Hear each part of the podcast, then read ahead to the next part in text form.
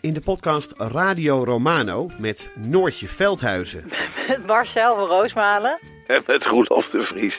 brengen we alle drie elke week een zogenaamde signalering mee. Wat heb jij nou weer bij je? En aan het eind bepalen we wie de winnaar van de week is. Echt een angstcultuur Lege huls die je er bent? Ja, dat gaat eigenlijk altijd onvriendelijk. Luister nu naar Radio Romano bij Podimo. Via podimo.nl slash Radio Romano luister je 30 dagen gratis. Liegen over een mondkapjesdeal die je hebt gesloten met de overheid. Een deal waarmee je miljoenen hebt verdiend. Dat doet toch alleen Siewert van Liende? Nou, nee. Ik ben Felicia Alberding en in de Mondkapjesmiljonairs duik ik met een team van correspondenten in andere schandalen. Want wist je dat Siewert helemaal niet uniek is? Luister de Mondkapjesmiljonairs in je Podimo-app. Of ga naar podimo.nl slash mondkapjes. En probeer Podimo 30 dagen. podimo.nl slash mondkapjes. Dacht u, ik heb als klimaatdrammer al het hele thema van GroenLinks afgedekt. Laat ik nu ook nog maar het kernthema van de Partij van de Arbeid en de SP erbij nemen. Nou, dat, eh, dat is heel de strategie van D66 nu. eh, nee, nee, even serieus. Kijk. Oh ja, als u de strategie, strategie wil, op tafel wil leggen, wees welkom. Ja, nee, dat, laten we dat niet doen in verkiezingstijd. Maar ehm, Dit is Betrouwbare Bronnen met Jaap Jansen.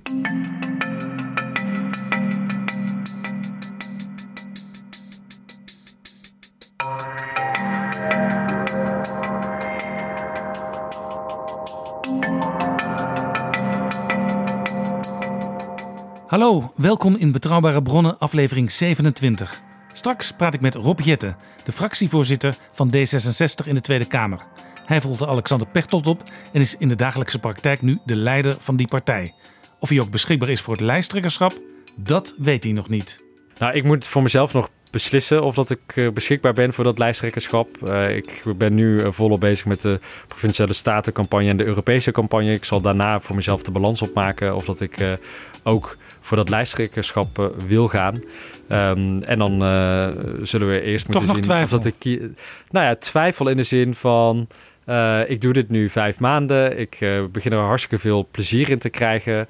Maar ga dus wel ook nu voor het eerst een periode in met al die tv-debatten. een hele heftige campagne.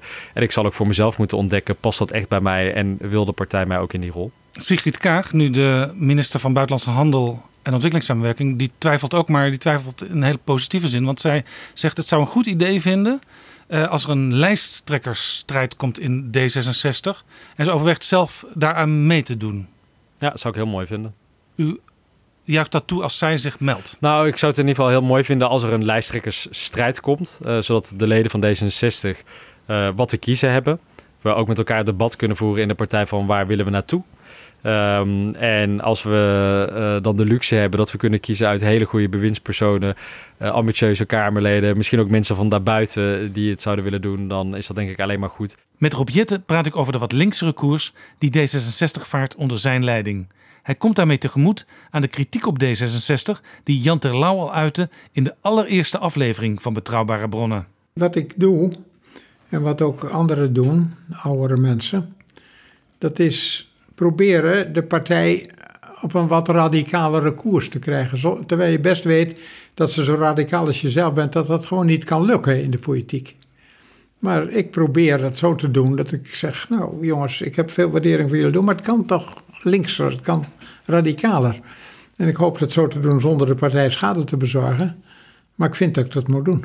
En in Betrouwbare Bronnen aflevering 7, in de week waarin Rob Jetten aantrad als D66-aanvoerder, vertelde D66-ideoloog Koen Brummer er ook al over.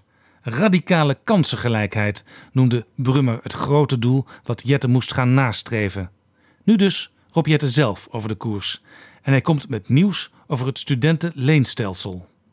Ik, ik, begrijp wel ehm, de zorgen over toegankelijkheid van het hoger onderwijs. Dat gaat wat mij betreft niet alleen maar over de, eh, de studielening. eh, maar je ziet dat er eh, daarnaast ook allerlei extra criteria worden gesteld aan toelating tot masters. Dat studenten belachelijke eisen krijgen in het eerste jaar van hun studie.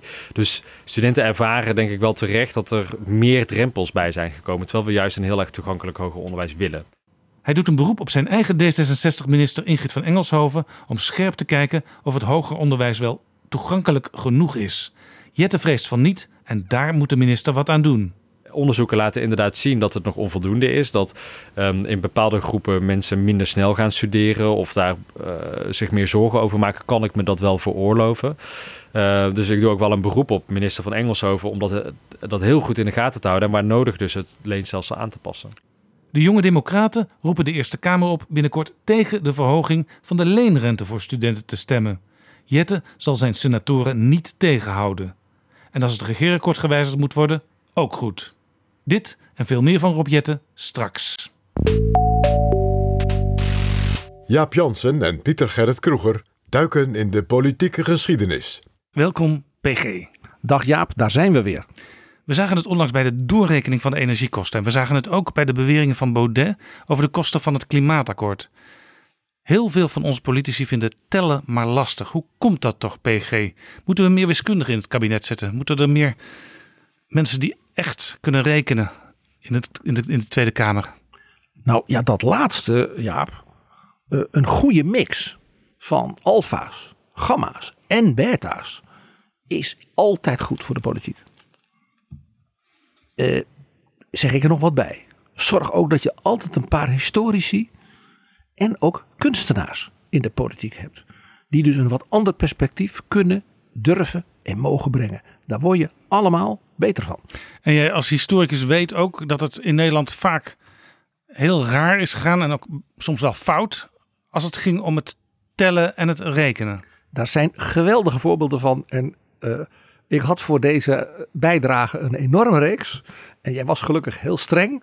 Dus we doen een paar van de allermooiste. Maar het is een heel merkwaardig trekje in de Nederlandse politiek. Ga maar na.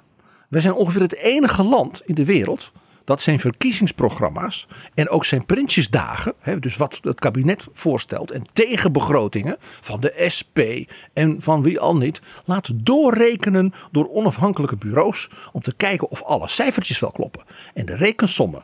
En dan doen we, als er een uitkomst is, 1 tiende procent minder koopkracht bij bijvoorbeeld de begrotingsvoorstellen van de VVD. En de SP heeft dan een 0,2 procent iets meer voor werkgelegenheid. En dat wordt gebracht in sterreclames. En als een triomf of als een afgang.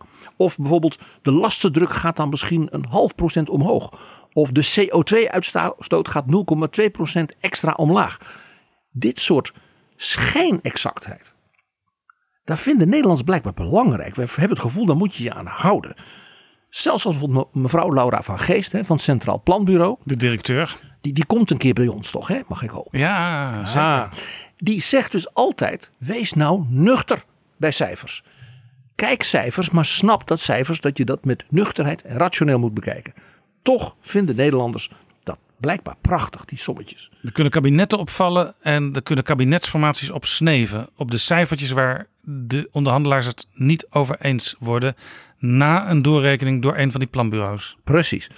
Ik denk dat dat een erfenis is, wellicht van de, zeg maar, de historie zeg maar, van de Nederlandse politieke cultuur. De koopmansgeest ook? De koopmansgeest, het mercantiele.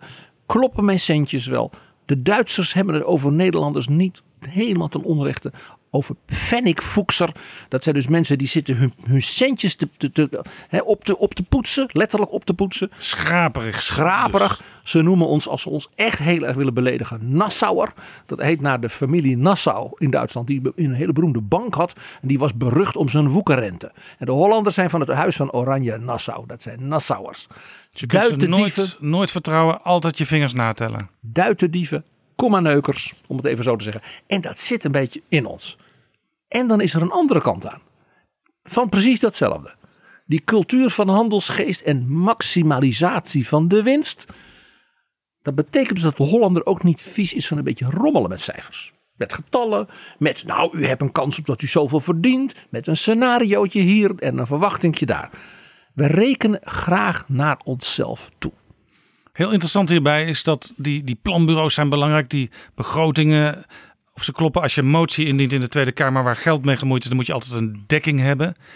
Uh, maar het tragische tegelijkertijd is dat op de derde woensdag in mei, als de rekenkamer met allerlei narekening komt van hoe het beleid daadwerkelijk geweest is, dat er dan eigenlijk nauwelijks belangstelling is, eigenlijk niet uit de politiek en helemaal niet uit de media, om daar eens lekker voor te gaan zitten en dat eens even goed na te kijken. Ik zal je eerlijk zeggen, Jaap, volstrekt met je eens. Ik heb in de tijd dat ik hoofdredacteur van Science Guide was, altijd woensdag gehaktdag in mei.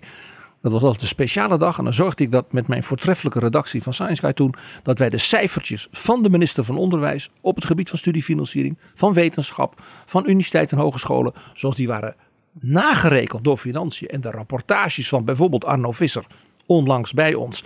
van de Algemene Rekenkamer. dat wij die nog weer extra analyseerden. En wij hoopten natuurlijk dat de Kamerleden. daar dan weer vragen aan ontleenden zodat er scherper werd nagekeken. Ja, soms kun je dus ook als media, als journalisten, kun je de politiek weer helpen om de dingen scherper te krijgen als de politiek het zelf in eerste instantie laat afweten. Ja. En dan hoop je altijd maar dat dat, dat dat werkt. Nou, we zullen straks een paar Kamerleden ook even noemen met ere, die daar dus echt goed en alert op zijn. Uh, wat ook wel interessant is bij die Nederlanders, doordat wij weten dat we graag een beetje zoemelen met cijfers aan de ene kant kommaneukers, aan de andere kant uh, nou, hè, niet helemaal te vertrouwen. We zijn dus ook altijd argwanend naar de cijfers van anderen. Van Brussel, van die Grieken, van vul maar in, van de concurrentie. Dus het is altijd dubbel. We hechten zeer aan cijfers. We vinden ze belangrijk. We zijn daar detailzoekers bij. En tegelijkertijd wantrouwig. Nou zijn er natuurlijk tal van actuele voorbeelden. Je gaat er zo ook een aantal noemen. Maar kunnen we zeggen dat er een traditie is in Nederland van die, wat de Duitsers dan noemen, Pfennigfuchserei? Ja, je zou bijna kunnen zeggen onze nationale politiek als, zeg maar, koninkrijk onder de Oranjes begon met schandalig knoeien met getallen en cijfers. Ja, dan gaan we dus terug naar uh, eh, 1815, toen de Fransen hun uh, hielen hadden gelegd, hun biezen hadden gepakt. En uh, ons koninkrijk weer onder de Oranjes kwam te staan. En toen werd het één koninkrijk met de Belgen en de Luxemburgers. Koning Willem I die had een grondwet en die moest worden goedgekeurd, vond hij. En hij wou een groot gebaar maken, dus het volk mocht stemmen. Dat was wat. Heel democratisch. Overigens, eh, kort daarvoor in de Bataafse Republiek, die maar heel even bestaan heeft, eh, vonden ook al referendums plaats. Dus in die zin was de koning modern, maar hij had het al gezien bij zijn voorgangers. Hij, hij bouwde dus voort op die liberale traditie vanuit de Bataafse Republiek. En dat was met name ook een gebaar naar de Belgische onderdanen. Die sterk liberaal gezind waren. En natuurlijk ook op Frankrijk georiënteerd in de zin van het revolutionaire Frankrijk. En de taal van de, van de Fransen. En natuurlijk bevreesd waren dat zij nu een soort Calvinistisch, uh, zwaarmoedig protestant schrikbewind zouden krijgen. Een spruitjeslucht die de Brusselaars van alle kanten tegemoet kwam. Precies. De koning liet een referendum uitschrijven. En in dat referendum deden een, een heleboel uh, hoogwaardige Nederlanders mee. Denk even aan het verhaal wat wij onlangs hadden met de neven Buma. Als patriciërsfamilie uit Leeuwarden, uit Friesland, mochten zij stemmen over de nieuwe grondwet. Ja, want mocht natuurlijk maar een klein deel van de bevolking stemmen. Er was nog lang geen algemeen kiesrecht, dat kwam pas 100 jaar later. Maar in België mochten 1604 notabelen stemmen. En wat gebeurt er? De koning komt tot de conclusie dat hij geen meerderheid had. Want de uitslag kwam binnen. Op één dag, want er werd gestemd zeg maar, op uh, zeg maar, het stadhuis van de Belgische steden, waar de notabelen bijeenkwamen. En de einduitslag was glashelder. Er was geen meerderheid voor die grondwet. Wel in de noordelijke Nederlanden, niet in het zuiden. En wat doet koning Willem I? Die gaat die uitslag interpreteren. En fantaseert voor zichzelf, bespaar je de details, een meerderheid bij elkaar. En dus- zij dus, het is duidelijk, het volk heeft in meerderheid mijn grondwet goedgekeurd. Dus ik ben u verplicht als goed en genadig vorst te tekenen. Met andere woorden, hij veranderde de spelregels toen de wedstrijd al gespeeld was. Ja, en de Belgen hadden daar dus een prachtig woord voor sindsdien. Dat noemen ze l'arithmétique hollandaise, de Nederlandse rekenkunde. En zo begon dus de Nederlandse nationale politiek met getallen, cijfers en rekenen, met een uh, koninklijke uh, misrekening. Sindsdien worden wij dus ook door de, door de Belgen niet meer vertrouwd. Door de Belgen en in zekere zin, zeker als het om mercantiele dingen gaat, natuurlijk al eeuwen, ook door andere volkeren. En ook in Brussel zegt men altijd, let even op.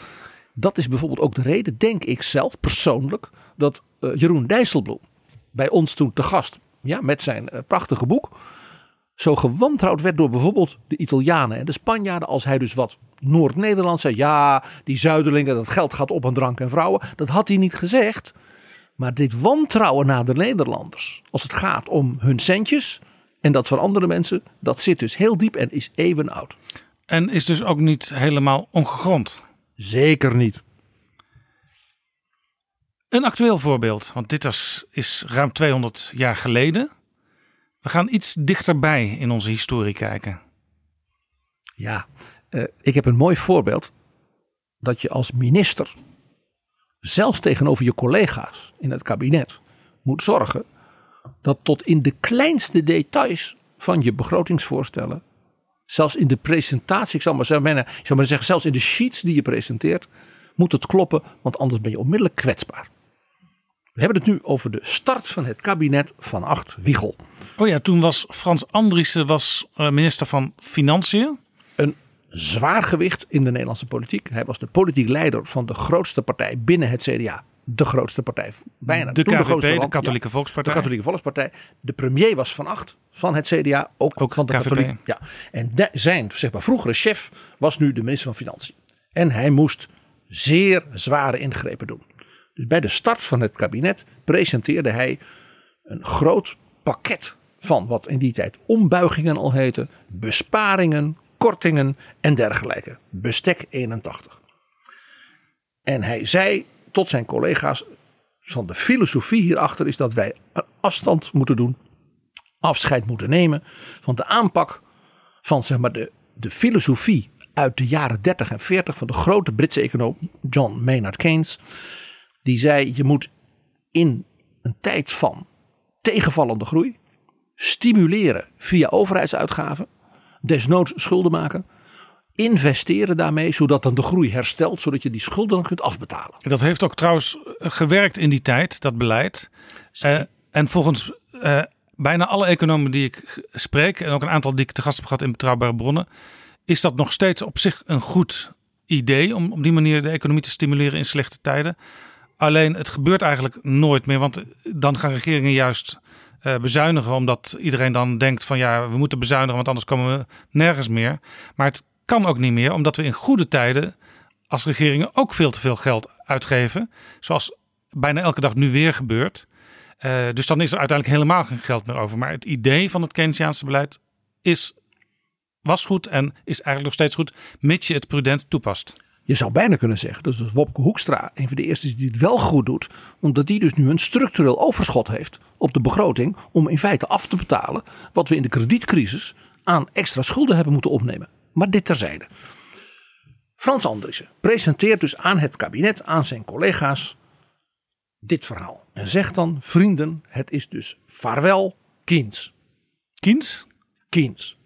En toen zei de minister Keynes. van Onderwijs, Arie Pijs, een vlijmscherpe, vilijne man, die zelf graag minister van Financiën was geweest, die zei toen de onsterfelijke woorden, het is Kiens Frans. Dat, nee. Ja, zet hem. Doe maar.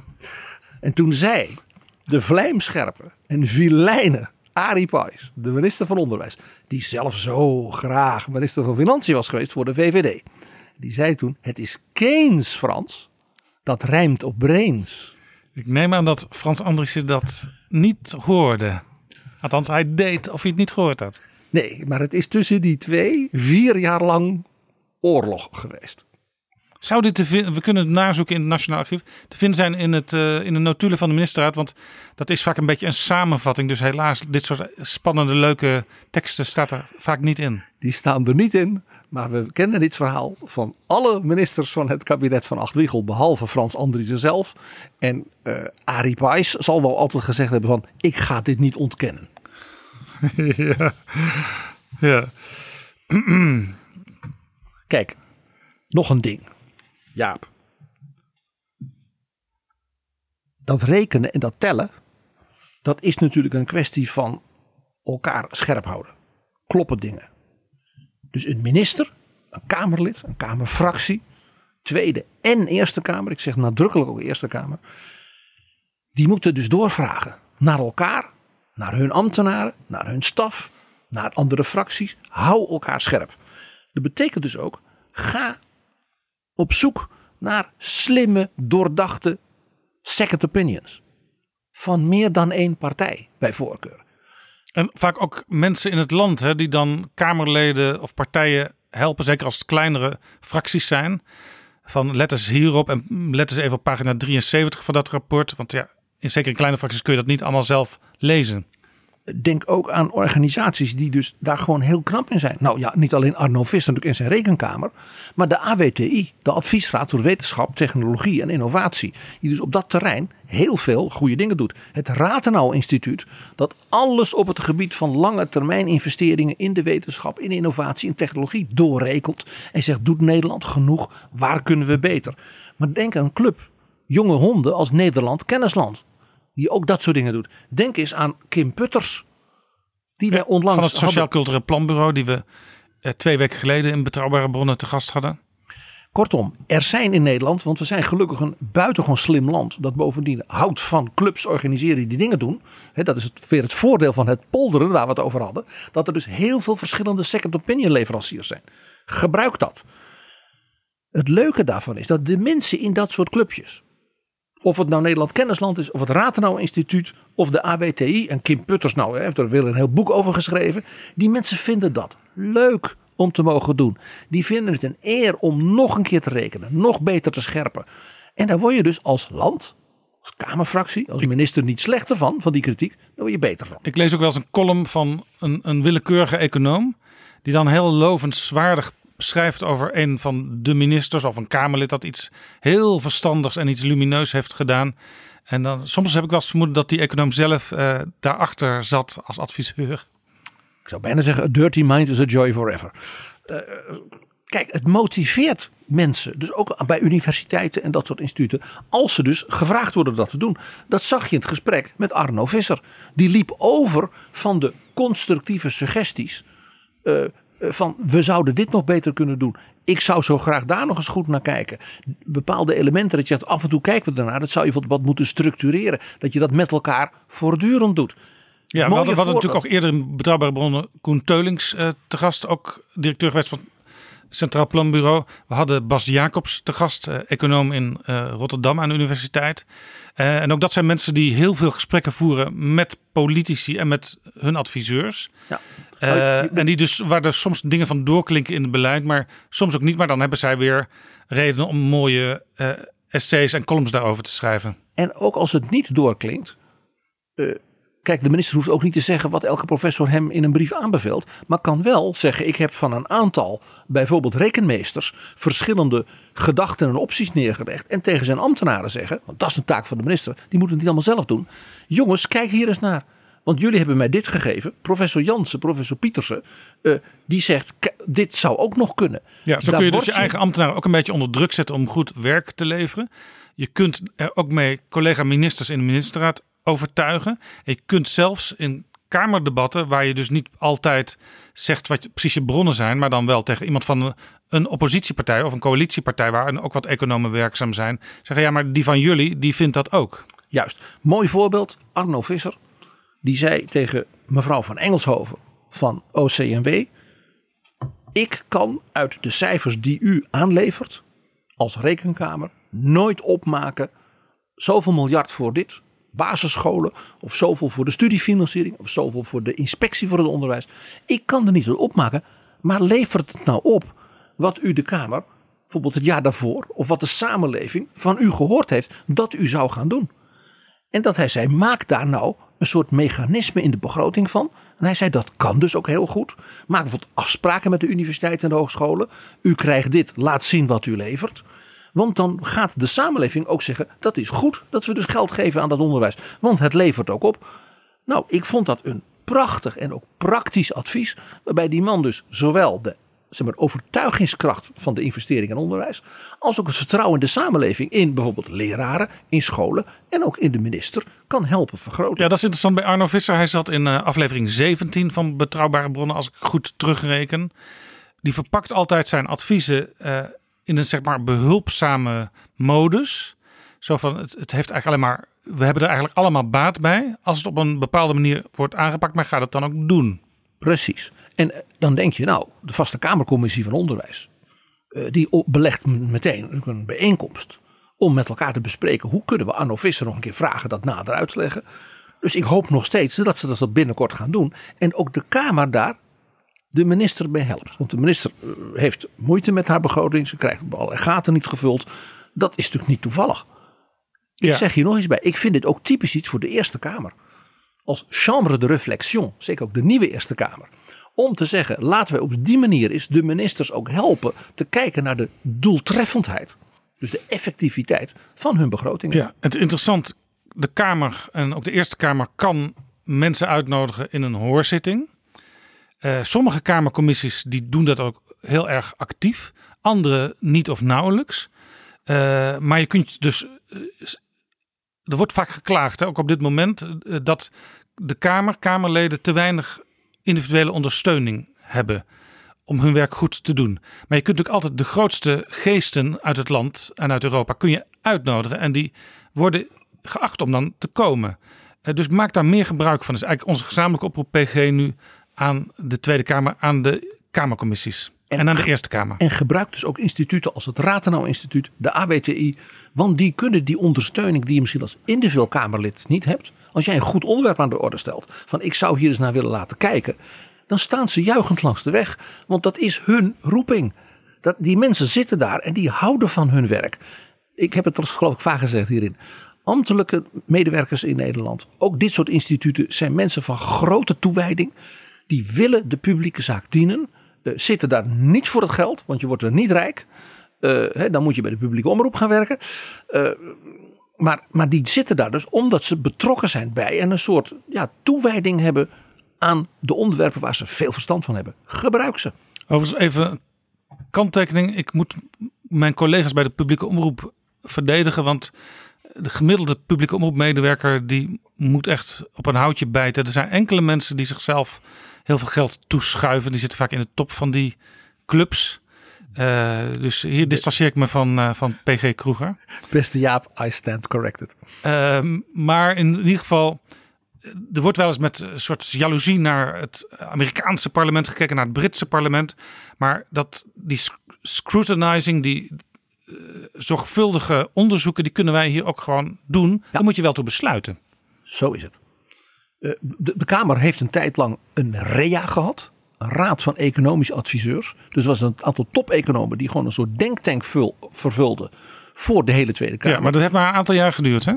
De Kamer heeft het zelf laten eh, afsterven. Ja, kwam geloof ik ook omdat eh, in die REA zaten natuurlijk hele verschillende politieke eh, windrichtingen. Die dus niet allemaal hetzelfde over dingen dachten. Maar ja, Dat hoeft je moet uiteindelijk als, als politicus moet je zelf je keuze maken. Ook op basis van je eigen, wat de Lubbers ooit noemde, vertrekpunten. Dat hoeft ook niet. Ze hoeven niet allemaal één mening te hebben. We zijn de Sovjet-Unie niet. Maar ik zou dus hier even de Kamer, en bijvoorbeeld mevrouw Ariep, een hele verstandige dame, met de nieuwe voorzitter van de Eerste Kamer, hè, dat zij samen het initiatief nemen om zo'n REA, in die zin bijvoorbeeld ook een rondom alles wat te maken heeft met digitalisering, om zoiets gewoon weer in het leven te roepen. Ja, digitalisering echt het allerbelangrijkste onderwerp wat er nu is. We, we, zijn begonnen aan de vierde industriële revolutie. Dat is de digitale revolutie. Dat is ook de revolutie waar China. Ik had het er laatst met Ties Dams over in Betrouwbare Bronnen. Binnenkort eh, komt Rob de Wijk er ook over praten. Waar China nu eigenlijk de wereld mee wil gaan overheersen. Dus cijfers zijn belangrijk, maar de digitalisering is eigenlijk op dit moment actueel nog het allerbelangrijkste. Dus ga er inderdaad fors mee aan de slag. Is ook weer een op- oproep hier En- vanuit betrouwbare bronnen. En de digitalisering is ondenkbaar zonder dus een zeer scherp inzicht in beta en techniek, technologische ontwikkeling, getallen, mathematica en dergelijke. Dus die economische kant en die technologische kant, die vinden elkaar ook op heel veel terreinen. Een prachtige opdracht eigenlijk voor ons parlement om de allerbeste op dat terrein in Nederland gewoon bij elkaar te brengen. En het parlement gewoon elke drie maanden gewoon eens met een memorandum bij te praten over dingen, van advies te dienen en dergelijke. Zo moet het en zo zou het moeten. Maar het gebeurt natuurlijk ook wel als PG dat je als Kamerlid eh, genept wordt door slimme ambtenaren, slimme ministers. Ja, als je niet oplet, dan is er iemand met een handigheidje. Met wat cijfertjes en wat dingetjes. En dan helemaal aan het eind merk je, oh, we zijn erin gestonken. Zal ik een voorbeeld geven? Graag. Jo Ritsen. Minister van Onderwijs, al een tijd geleden. Ja. Dit In het was, kabinet Lubbers 3, denk ik. Dit was in Lubbers 3, dan wel Paars 1. Want daar was hij ook minister in. Ik denk paars 1. Hij had gaten in zijn onderwijsbegroting. Het komt vaker voor, dus mevrouw van Engelshoven moet ook weer niet al te diep treuren. En die wilde hij dekken. En hij had een plek gevonden waar dat kon. De OV-kaart voor de studenten. Uiteraard. Een contract met de NS, die jaarlijks honderden miljoenen kost. Hè, nu al meer dan een miljard per jaar.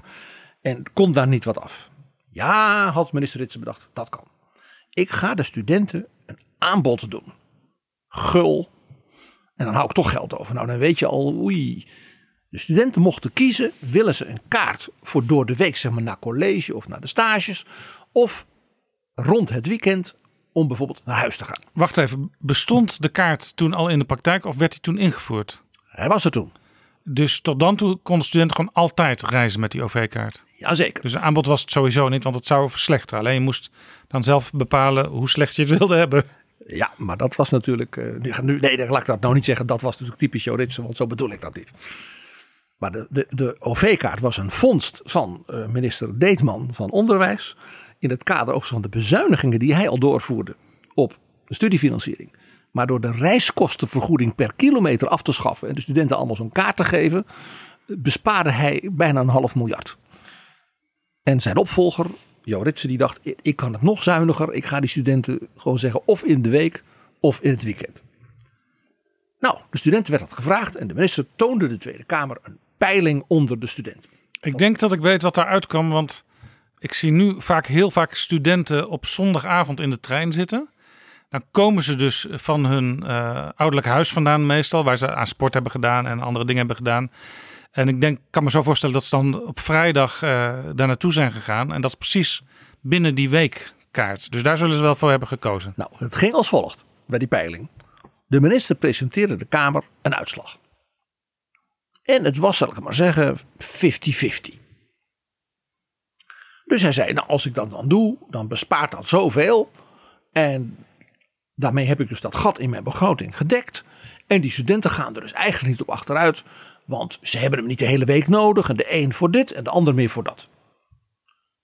En het kabinet keurde dat natuurlijk goed. Want ja, die besparing was gedaan. En de Kamer zei, nou vooruit dan maar. Ja, en de minister verdedigde. Dus dat moet hij dan verder zelf maar uh, uitzoeken. Ja, precies. En hij had die cijfers, dat zou wel goed komen. Het kwam helemaal niet goed. Want wat had de minister gedaan? Die had bij die peiling alle studenten die zeiden: Ik weet het niet, of geen mening, of ja, ik weet niet hoe ik volgend jaar zit met mijn studie, weggelaten bij de einduitslag. Dus een heel groot deel van de antwoorden waren weggemoffeld in die zogenaamde peiling. Ja, want als er een enorme. Als de meeste studenten weet ik niet hadden gezegd, ja, dan had je eigenlijk nog niks aan zo'n enquête. Exact. Dus de minister gaat met de NS om de tafel zitten. Bedenkt een nieuw contract. De studenten gaan dus een van die twee soorten kaarten bestellen. En je raadt het al, het overgrote deel van de studenten wilde de dure optie, de weekkaart. Zie je, dat had ik gedacht. Dus de NS zei ja, de Roger van Bokstel van toen, die zei ja meneer Ritsen, ja ik kan dat niet leveren, dit product, voor dat schijntje wat u mij van plan was te gaan betalen.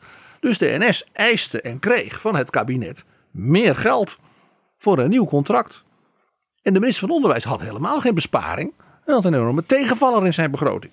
En wat deed de minister? Die deed heel verrast en meldde de Tweede Kamer dat hij, ja, helaas.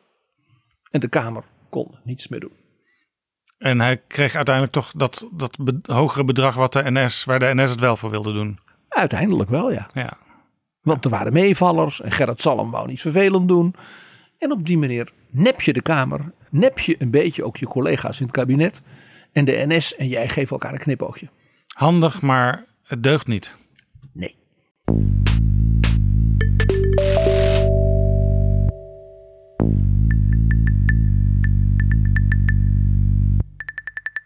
PG, de grootste rekenfout ooit. Wat was dat? Die is vrij recent. Uh, en die komt van Mark Rutte. De minister-president. Ja, in zijn rol als minister-president. Al in zijn eerste kabinet.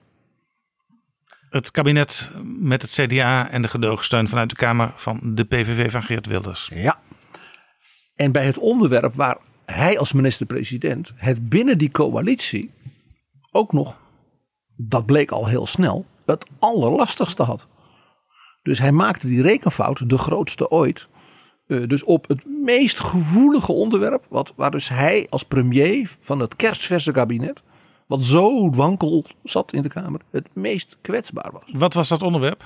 Griekenland. Oh, de financiële crisis. Waar natuurlijk sowieso de PVV niks moest hebben van steun aan Griekenland. Want die wil eh, een hek om Nederland en afscheid nemen van Europa. En, het hoe idee dat sneller, je- hoe beter, dachten de PVV'ers. Dus het idee dat je in zo'n, de eurocrisis, zoals dat heette, een land dat dus onderuit gaat financieel, wat in de eurozone zit, dat je zegt, ja, dan moeten we allemaal een beetje lappen en dat land helpen met hun hervormingen. En ja, die enorme schulden, die moeten omlaag, want dat land gaat volledig bankroet. En dat is slecht voor ons allemaal. Dus iedereen moet wat doen. De Grieken natuurlijk zelf als meeste. Hè, de pensioenen met gewoon een derde omlaag. En enorme bezuinigingen en dit en dit. Maar wij moeten ook wat doen. Dus de euro... Er moest in ieder geval geld geleend worden om de Grieken eh, ja, de crisis door te helpen. Ja, dus de eurotop van juli 2011. Hè, dus de eurozone. Met als voorzitter toen Jean-Claude Juncker. De minister van Financiën en premier Van tegelijkertijd van. Luxemburg. En zeg maar, de euro-premiers. Die kwamen tot een akkoord. De Grieken gingen door de knieën bij. Dat ze bereid waren. Allemaal hervormingen. Allemaal nare kortingen. eh, ja, een hoop ellende. En die landen waren bereid om naar garant te staan voor leningen. Ja, dus een mooi voorbeeld van Europese samenwerking. En Rutte moest dat natuurlijk verdedigen. Ja. En het bedrag waarmee er kwam was 159 miljard euro voor de Grieken. Dat heette het eerste reddingspakket. Men had al een soort traject uitgezet van enkele jaren om als het niet zou lukken, eventueel ruimte te hebben voor een vervolgpakket. Maar de bedoeling was natuurlijk dat je niet te veel van die pakketten nodig had. Het was dus niet een eenmalig iets, het was iets voor een meerjarig, bijvoorbeeld Nederland geen Griekenland helpen met het opzetten van een kadaster. Het eigendom van grond, wat natuurlijk van groot belang is voor bijvoorbeeld de aanleg van havens en dit en dit, was in Griekenland nog zo geordend. Die gegevens waren nog uit de tijd van de Osmaanse bezetting, dus van voor de onafhankelijkheid in 1830. Ja, het was dus sowieso ook heel moeilijk om wat er in Griekenland gebeurde te vergelijken met wat er in andere landen gebeurde. Terwijl je het ook binnen de Europese Unie moet hebben van eh, leren van elkaar, van peer pressure. Maar dan moeten de cijfers wel kloppen. We zijn weer bij dat tellen en rekenen dat dat zo belangrijk is voor vertrouwen in elkaar. Daar was hier dus sprake van grote problemen. Maar Dus ging men Griekenland ja, helpen? 159 miljard was nodig. Dus dat ging Rutte eh, vertellen Ja. aan de, De Tweede media. Kamer, aan de media. Dus op de persconferentie in Brussel gaven natuurlijk alle, alle regeringsleiders geven dan hun eigen persconferentie. En Rutte vertelt dat hij zei, nou, we zijn eruit, eh, er gaat inderdaad geld naar de Grieken maar in de vorm van garanties voor leningen. Het was dus niet zo dat elke Nederlander geld moest overmaken aan Athene, wat sommige mensen nog altijd denken. Maar Nederland stond garant voor leningen bij de Europese Centrale Bank. En dat was voor 109 miljard. En 50 miljard zat dan door banken en de private sector, bedrijven, grote financiële instituties, die als het ware een bedrag van 50 miljard voor hun rekening namen. Ja. Maar dat, dat getal, 159 miljard was het. En hij zei 109, waarvan nog 50 banken. Nee, maar de, de, de verwarring, zie- ik zie dus wel, als je het bij elkaar optelt, dan krijg je wel 159. Ja, maar hij trok het dus af. Ja. Ja, ja hij husselde dus, eh, Mark Rutte, met deze getallen. Ja. Waardoor het uiteindelijke bedrag waarvan mensen dachten dat wordt het, dat klopt niet. Nee. Dat werd meteen duidelijk, want ja, de journalisten van Nederland en de journalisten, ik zal maar zeggen, van Der Spiegel bij mevrouw Merkel en van Le Monde bij eh, op dat moment eh, president eh, Hollande, die hoorden natuurlijk heel andere getallen. Ja, dat is heel interessant altijd als je zo'n top hebt.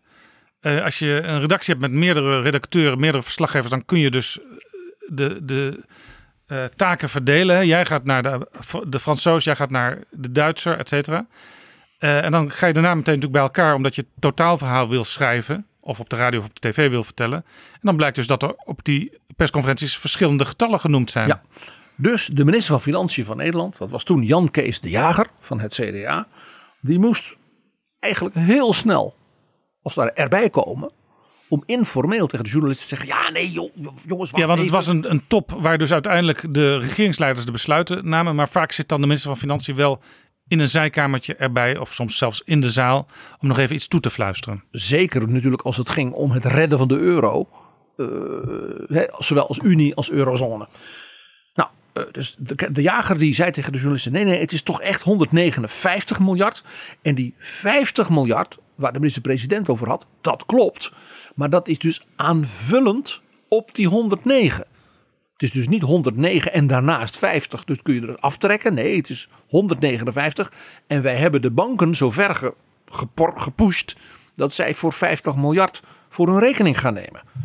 Toen, toen dekte hij Rutte af met onsterfelijke woorden. Het totaalplaatje is zeker niet eenvoudig. Vanwege het door elkaar lopen van publieke en private bedragen en middellange en langere termijn aspecten. Dat was echt wel even een les voor Mark Rutte. Rutte bleef stoer. Hij hield een hele tijd vol. Het was geen rekenfout. Nee, nee, nee, nee, nee. Dit was een misverstand. En dat misverstand was helemaal niet zijn schuld. Dat was de schuld van de andere Europese leiders. Want die hadden namelijk de cijfers wel gepresenteerd met die 159 miljard en zo. Maar die rekenden tot het jaar 2020. En hij had met zijn 109 miljard naast die 50 alleen maar tot 2014 zitten rekenen. Heeft iemand dat nog nagegaan of dat die uitspraak wel klopte? Uh, deze uh, uitleg daarvan heeft minister De Jager gezegd van uh, dat kan, dat kan. Maar het is dus gewoon 159 en herhaalde dus het totaalplaatje is zeker niet eenvoudig. Rutte die was de Rutte zoals we hem nu een beetje kennen toen ook al. Dat merkte je. Net als met de dividendbelasting zei hij enkele weken daarna dit had ik anders moeten doen. Dit is mijn eerste fout als minister-president en hij nam dat voor zijn rekening. Nog leuker was dat hij dus al die weken net had gedaan op zijn neus bloeden. En tot grote hilariteit en ook wel ergernis van sommigen in de Kamer had hij dus geen toelichting in de Kamer verder gegeven, maar was wel feestend en dansend en selfies toestaand zichtbaar geweest op het festival Dance Valley met heel veel jonge mensen. Dus toen hij na de vakantie terugkwam, hij natuurlijk flink werd aangepakt over deze grootste rekenfout ooit. Die hij natuurlijk anders had moeten doen, hè, dat vond hij ook. En, werd hij, ja, en ondertussen was u op Dance Valley in niet hier. En gelukkig. Daar had Rutte, Rutte een prachtig argument voor. Hij zei: Kijk, ik wou ook na die grote bedragen en die zorgen om Griekenland vooral uitstralen dat ik geen paniek ging veroorzaken. Hij zegt, want dan krijg je een soort crisismanager-ijdelheid van politici. En daar ben ik niet van. Dat kun je maar beter in de perken houden.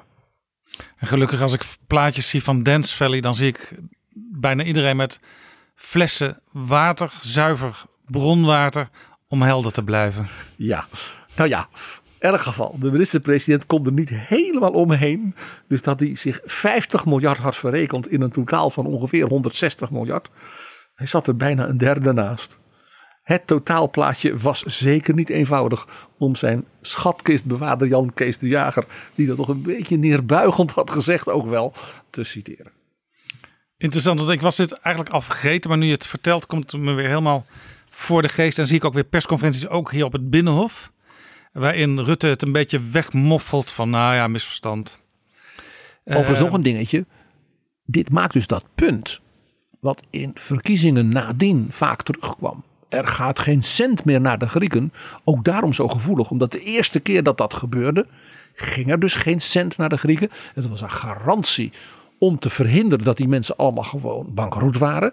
Maar de indruk werd gewekt doordat dus de minister-president en de minister van Financiën een beetje rommelen. Ik zeg niet zoals koning Willem I, maar toch een beetje moesten rommelen met die bedragen. De indruk werd gewekt, ja die Grieken die worden blijkbaar ergens onder de tafel geld toegestopt. En dat willen ze dan niet toegeven. Heel onverstandig dus. Om dus met cijfers en met rekenen en met tellen je zaakjes niet precies op orde te hebben. En later is er wel geld naar de Grieken gegaan, maar daarvan is inmiddels alweer geld aan het terugkomen. Ja, want uiteindelijk is het gelukt te voorkomen dat Griekenland, dat Portugal, dat Ierland, dat Spanje gewoon ten onder gingen. En dat Wat al een enorme prestatie. waarde op zichzelf is. Eh, maar de belofte dus van Rutte en vooral toen ook Jan Kees de Jager regelmatig... dat het geld weer terug zou komen. Ja, die, die, die belofte komt nu gewoon uit. Ja, en ze werden daarvoor, zeker de jager, werd als een naïeve eh, leugenaar in sommige ogen eh, weggezet. Volkomen ten onrechte. Dat was Rutte, die we natuurlijk ook kennen eh, achter de piano als, als oud eh, student in Leiden. Ja, ik heb er nog één. Nog Een Leidse één? student op de piano. De heer Baudet. Oh ja, Thierry. Thierry Baudet heeft inmiddels Rutte ingehaald met de grootste rekenfout ooit in de Nederlandse politiek. Dus dat is een, je zou zeggen, dat moet de wond wat verbinden van Mark Rutte van 2011. Oh, die, die rekenfout. Ik denk dat, dat ik weet waar je het over gaat hebben. Want die ligt natuurlijk nog vers in het geheugen. Sterker nog, ik hoor hem eh, bijna elke dag nog een keer terugkomen uit de mond. Bijvoorbeeld recent bij Harry Mens van Henk Otte. Henk de Tank, de lijsttrekker bij de Eerste Kamerverkiezingen van het Forum voor Democratie. Die had het ook weer over de energietransitie die wel zo'n duizend miljard zou gaan kosten. Ja, en dat niet alleen. Ze weten ook nog heel precies dat het helemaal nergens voor dient. Dat het een verwaarloosbaar effect heeft. Nee, want het, heeft, het effect is 0, en dan gaan ze heel veel nullen noemen. En dan eh, komt er op een gegeven moment een 7 en enkele keer ook, ook een 3. Dus dan re- berekenen ze het anders of dan trekken ze het anders af. Eh, maar ze weten dus precies hoe het zit inderdaad. Nou, mijn conclusie hieruit, ik kom zo met wat cijfertjes, is dat de heer Baudet er gewoon goed aan zou doen om eens bij een briljant financieel specialist en bijvoorbeeld iemand die, als het gaat om heel lange termijn beleggingen met heel veel geld, dat hij daar eens bijles haalt. Wat dacht je van George Soros? Nou, dat zal niet de adviseur van eh, Thierry Baudet zijn, denk ik. Nee, maar daar zou hij wat aan hebben, zou ik dan bijna denken. Want, ten eerste, dit is natuurlijk een uitdagende eh, be- be- besomming van de heer Baudet. Dus ja, dan gaan natuurlijk allemaal financiële factcheckers van kranten en dat soort dingen. Die gaan daarop zitten. En ze hebben geen spaan heel gelaten van zowel de cijfers als de basis van die besommingen. Van waaruit bestaat dat nou bedrag, uit welke componenten. En zelfs ook de bronnen van die basis, van die componenten, van die bedragen. In de meest nuchtere calculaties van experts op dit terrein zit hij er enkele honderden miljarden naast. Dus dat is een veelvoud van die rekenfout van Mark Rutte in 2011. Ja, want ik heb wat van zijn berekeningen gezien. Die kun je ook op de site van Forum voor Democratie terugvinden. Als ze tenminste bij het eh, beluisteren van deze podcast nog opstaan.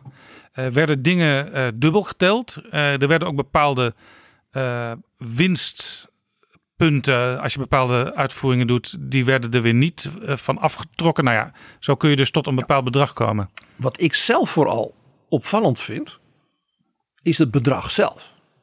Duizend miljard. Ja, ik vind dat is zo mooi. Dat is letterlijk too good to be true. Het is dus niet als je al die componenten ja, voor de komende 30, 40 jaar, want dan gaat het, je met elkaar optelt, bijvoorbeeld 992,86 miljard. Het is ook niet 1000,7,34 miljard. Maar helemaal toevallig een perfect rond bedrag. 1000. Een wonder. Zelfs de simpelste ziel, die geen wiskundediploma heeft, moet dan toch weten, ik word genept. Doet een beetje denken ook aan kinderen. Die hebben het soms over duizend miljoen miljard. Als ze iets heel ergs wi- willen aangeven. Het is inderdaad naïef. Maar er is nog iets. Voor mensen die iets van de economie, van de lange termijn, van de ontwikkeling van rijke landen als Nederland weten, die zeggen dan, ja, duizend miljard. Voor een volledige transitie van je economisch model, energie, je productiviteit en alles wat erbij hoort, alles in je bedrijven, de huizen. Duizend miljard is helemaal niet zo'n groot bedrag. Alleen iemand die zelf niet rekenen of tellen kan, schrikt van dat bedrag. Punt is natuurlijk dat Baudet beweert dat die hele transitie niet nodig is. Hè? Dat, het, dat we allemaal gewoon op de oude voet door kunnen gaan. Want ja, dat hebben we toch altijd gedaan. Maar stel, stel het zou duizend miljard zijn. Quod non, om in de taal van de heer Baudet te spreken. Het bruto binnenlands product van Nederland van het jaar 2018, dus het jaarlijkse omzet zeg maar, van ons land, was 764 miljard. punt is natuurlijk, want dat bedrag dat, ga je, dat is over heel veel, over tientallen jaren uitgesmeerd. Dat het beeld in het brein, wat, zich, wat nederdaalt in het brein van de toehoorder is, dat het bedrag nu ineens op tafel moet worden gelegd. Ja, dat kunnen we natuurlijk nooit betalen. En zelfs dan. In één jaar is dus de omzet van de BV Nederland, om zijn VVD-taal, is 764 miljard. En dat zegt dus al één ding. Ja, Nederland, dat land van ons, is schatje hemeltjes rijk. Dat zegt nog iets. Duizend miljard is dus uitgesmeerd over 20, 30, 40 jaar. 3% 4% van dat bruto binnenlands product. Dan wordt het ineens een heel overzichtelijk bedrag, wat natuurlijk ook uiteindelijk geldt voor eh, particulieren. Als je iets aan je huis moet gaan doen, straks isoleren, misschien die verachtelijke warmtepomp aanschaffen, waar het nu ook steeds over gaat. Ja, als je dat afschrijft over een bepaalde termijn, dan wordt het ineens weer behapbaar. Ja, het interessante is, bij de voorbereiding van zo'n klimaatakkoord en hè, die energietransitie, zeggen dus ook alle geleerden en alle k- kenners, dit is een proces van 20, 30, 40 jaar. En dat is dus de grootste ombouw van dus ons land in economisch opzicht sinds de wederopbouw. Even, na de oorlog. even los nog bij de berekening eh, van de besparingen die je ook eh, maakt door bijvoorbeeld uiteindelijk je huis misschien wel eh, energie-neutraal te maken. Ja, maar die dingen reken, die kun je tegen elkaar. Dat, dat reken Ik krijg nu al uit. rekeningen van de energiemaatschappij. Waarin staat eh, wat ik teruggeef aan het net. Wat bij mij overigens nul is. Want ik woon nog in een heel oud huis. Maar het staat dus gewoon al op de rekening voor beschreven. Dat je dat straks gewoon allemaal kunt zien. Wat je eigenlijk doet voor een beter klimaat. Nee, maar eh, je zou ook nog kunnen zeggen, de rijkdom die Nederland de komende 20, 30, 40 jaar krijgt, doordat wij onze toptechnologie op het gebied van verduurzaming, water en dergelijke, hè, we hadden het er al eens over, eh, de export van die typisch Nederlandse polderkennis, eh, daar wordt ons land niet voor niks zo verschrikkelijk rijk van. We horen tot de allerrijkste landen op aarde. Nou, dus die duizend miljard uitgesmeerd over 20, 30, 40 jaar is dus een helemaal geen apocalyptisch of waanzinnig bedrag. Het past bij een soort lange termijnvisie van je grootste operatie sinds de wederopbouw. Het is dus ook een soort lange termijnvisioen bijna voor een land dat zegt wij willen in de wereld aan de top blijven. Dus zelfs als die duizend miljard van Baudet waar zouden zijn, quod non, dan is het helemaal niet zo'n idioot dat je dat zou doen. Eigenlijk zeg je ook, het is misschien wel een beetje kwaadaardig wat hij doet. Nou ja, het is vooral mensen die over dit soort bedragen, over langere termijn, zich dat moeilijk kunnen voorstellen, de stuipen op het lijf jagen. En dat is dus, ja, eh, dat is dus rijk worden van angst. Er was een paar weken geleden wel een ander dingetje als het over energiekosten gaat. Eh, Erik Wiebes, de minister van Economische Zaken en Klimaat, en zijn staatssecretaris Mona Keizer, die kwamen in problemen. Ja, nou ja, wat je daar zag, eh, was dat dus een ministerie cijfers aangeleverd krijgt. Die dan gaat presenteren aan de Kamer en in de media.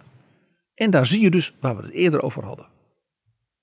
Onvoldoende scherp second opinions. Even checken. Nog een keer laten kijken. Bij van spreken nog een, een, een Arno Visser type. eh, een, een, een adviesraad wetenschap en technologie mensen een ratenau ernaar laten kijken. Ja, het ging erover, er moest iets worden doorgerekend. Het planbureau voor de leefomgeving zou dat normaal doen, maar die zeiden wij hebben geen tijd omdat we met die hele grote berekeningen, zeg maar die Thierry Baudet berekeningen, maar dan op een juiste wijze bezig zijn. Ehm, en de Kamer, die, ja, sommige Kamerleden wisten het wel, maar de, zeg maar de, de wat, wat de Kamerleden die zich er niet zo op geconcentreerd hadden, die deden alsof ze iets totaal nieuws ontdekten op een bepaald moment. Maar dat kun je dus Wiebes en Keizer wel, wel aanrekenen, want die hadden eigenlijk de Kamer gerustgesteld van niet veel aan de hand. Eh, de, de verkeerde cijfers, die worden het niet. Het worden de goede cijfers, maar er waren dus eigenlijk helemaal geen goede cijfers. Nee, wat er speelde was dat men dus een basisjaar, zoals het heet, dus we beginnen te redeneren vanuit een bepaald jaar, de situatie toen naar de situatie straks. En dat schuift natuurlijk elk jaar één jaar op. En dat zijn, zoals dat heet, ramingen. Dat zijn scenario's, als dan, zoals dat heet. En men had dus gewoon een eerder jaar genomen dan men eigenlijk had moeten doen. Dit zeg ik maar heel eerlijk, ambtelijk EZ. En ook wel misschien wel dat, dat plan, dat, dat plan voor de leefomgeving. Had die bewindslieden dat natuurlijk nadrukkelijker moeten zeggen. En moeten zeggen, dit betekent dus dat wij met minder grote stelligheid die raming kunnen brengen. Want die gaan uit van een eerder jaar. Dat de staatssecretaris of de minister dat niet onmiddellijk ziet in al die tabellen. Het zij zo. Wat ze moeten natuurlijk doen, daar had ik waar we het eerder over hadden. Opnieuw vragen. Second opinion. Klopt dit? Leg mij uit wat, hoe dit zit. En, dat is dus niet Ja, en de onaardig naar ja, je ambtenaren. nee. Dat is scherp houden. Ja, en de ambtenaren van EZ zelf, die hadden daar natuurlijk helemaal bovenop moeten zitten. Want die hebben besloten om akkoord te gaan met die oude cijfers en op basis daarvan door te gaan rekenen. Hier speelt hier is trouwens nog iets anders aan de orde. Eh, je hoort heel vaak politici, ook Mark Rutte hoor je zeggen... ik ga niet in op als-dan scenario's. Maar ramingen zijn eigenlijk altijd als-dan scenario's. Exact. Ramingen, ook de meerjarenramingen die dus bijvoorbeeld minister Hoekstra op Prinsjesdag brengt voor de ja, begrotingen, zijn altijd als dan raming, dingen. Ik, ik heb in mijn eigen tijd dat ik voor Wim Deetman werkte, zeiden we altijd tegen elkaar, als morgen in Zeeland de dijken doorbreken, kan het allemaal zo in de prullenbak. Je noemde al in je verhalen wat namen. Bijvoorbeeld eh, Pieter Omtzigt is natuurlijk iemand die heel vaak eh, bij de interruptiemicrofoon staat. Die heel vaak schriftelijke vragen stelt. Die ook wel als lastpak gezien wordt. Bijvoorbeeld door premier Rutte. Hè, Die Omtzigt kan die niet iets anders eh, gaan doen. Die komt altijd met van die hele vervelende vragen. Nou ja, hij heeft natuurlijk ook de, heeft punt is- hij heeft natuurlijk week, de Wekers, de staatssecretaris van de VVD, in het vorige kabinet gewoon de kop gekost. Ja, door precies op dit soort terreinen gewoon als rekenmeester. Ja, en hij is Ja. natuurlijk een nou ja, hè, heel, vijf eigenlijk hele basale, heldere vragen stelt hij. En en doorvragen. het wordt En als sarre ervaren. Maar juist door inderdaad door te vragen... komen soms dingen bloot te liggen die ervoor zorgen dat, ja, dat het beleid uiteindelijk anders wordt. Omdat het eh, beleid niet goed was. Dan wel dat de Kamer door dat soort vragen. eh, en daar werkt dus ook zo'n eh, rekenkamer van Arno Visser aan mee. Dat is ook een taak. Kan ontdekken dat bijvoorbeeld met natuurlijk de beste bedoelingen, laten we daarvan uitgaan, gewoon hun spulletjes niet op orde hebben. Dat zag je bij de heer Wiebes in de vorige kabinetsperiode met de reorganisatie van de Belastingdienst. Een goudgerande open einde regeling voor mensen die snel wilden vertrekken. En wat gebeurde er? Iedereen ging die regeling nemen. Want je kon als het ware met je, met je zestigste, als het ware al met pensioen, met alle mogelijke voorzieningen. De- en ineens hadden ze geen personeel meer. Waardoor de opvolger van Wiebes als staatssecretaris, Menno Snel, eh, afkomstig uit D66, Wiebes VVD, eh, nog steeds met gebakken peren zit. Want die belastingdienst die functioneert nog steeds onder de maat. Maar ja, dat komt ook omdat heel veel specialisten verdwenen zijn. En Omtzigt heeft dus vraag na vraag na vraag na vraag. En dan werd het weggewuifd. Hetzelfde, eh, of het is weer de heer Omtzigt. Eh, de subsidie voor elek- elektrische auto's. Ook daar een open eindregeling. Dus het was gewoon een soort aankooppremie voor Tesla's en dergelijke. Want eigenlijk de belastingbetaler ging het betalen. Dat je een subsidie geeft voor ter bevordering is tot daaraan toe. Maar een subsidie met een open eind slaat ook een enorme gat in de begroting. Waar je geen raming op kan maken. Dus als dan is dan sowieso ellende. Nee, en vaak zegt een politicus op een bepaald crisismoment: Nou ja, laten we het zomaar doen, want dan is deze crisis weer even voorbij. Maar je weet niet wat je aanricht voor de nabije toekomst. Dus last pakken, omzichten. eh, eh, wees als minister mopper intern. Vooral ook als je s'avonds bij je vrouw komt of tegen je, je PA, zoals dat heet. Eh, maar koester ze. Ja, vroeger hadden we natuurlijk Kees Vendrik bij GroenLinks. Die komt weer terug, want die wordt waarschijnlijk gekozen in de Eerste Kamer Dat is, binnenkort. dat is, ik zal geen GroenLinks stemmen, dat doet er ook niet toe. Maar voor vraag Nederland helemaal niet. voortreffelijk. Zulke mensen, een de Vendriks, de Omtzigten. eh, mag ik ook eens even twee namen noemen? Waar Ja. we als Nederlanders gewoon echt blij moeten zijn dat die er zijn. Olli Rehn en Jyrki Katainen. De Finse eurocommissarissen. Die we de, de voorbije 10, 15 jaar hebben gehad. Van die droge Finnen. Ja, van die nog droger dan Pieter Omtzigt. Ja, en dan ook Fins, dus wat ingetogen, wat stil. Rekenmeesters, rekenmeesters, rekenmeesters. Die houden dus die, al die Europese landen scherp. Ook Frankrijk, ook Griekenland en ook Nederland. Daar moet je blij mee zijn. Ja, het is lastig, maar wees er blij mee. Eh, Jaap, ik heb twee voorbeelden uit de Tweede Kamer, recent, beide uit de VVD-fractie, waarvan ik zeg, wat jammer dat die mensen weg zijn. Koester ze nou, vanwege dus deze, zeg maar, Fins omzichtiaanse Ja. Pieter Duisenberg is weg. Dat was een hele goed Kamerlid. Die heeft zelfs collega-Kamerleden en ook journalisten eh, klasjes gegeven in hoe je begrotingen kunt eh, controleren. Daar heb ik ook nog les van gehad. Pieter, Pieter Duisenberg, de zoon van PvdA-minister van Financiën, Wim Duisenberg, het zit in de genen, die had de methode Duisenberg, zoals dat heette. Dat was dus een manier waarop je als Kamerlid en ook de medewerkers van Kamerleden en dus ook geïnteresseerde journalisten, maar bijvoorbeeld ook de studentenbonden, die vonden het ook leuk. Hij deed hoger onderwijs. Dus de slimste rekenmeesters van de LSVB, die gingen ook meedoen. En wat deden ze dan? Kijk naar bijvoorbeeld de onderwijsbegroting. Dit hadden we gevraagd. Dit zijn de be- bedragen extra. Dit komt eruit. Zijn er verbindingen tussen? Dus eigenlijk wat Arno Visser al een beetje zei.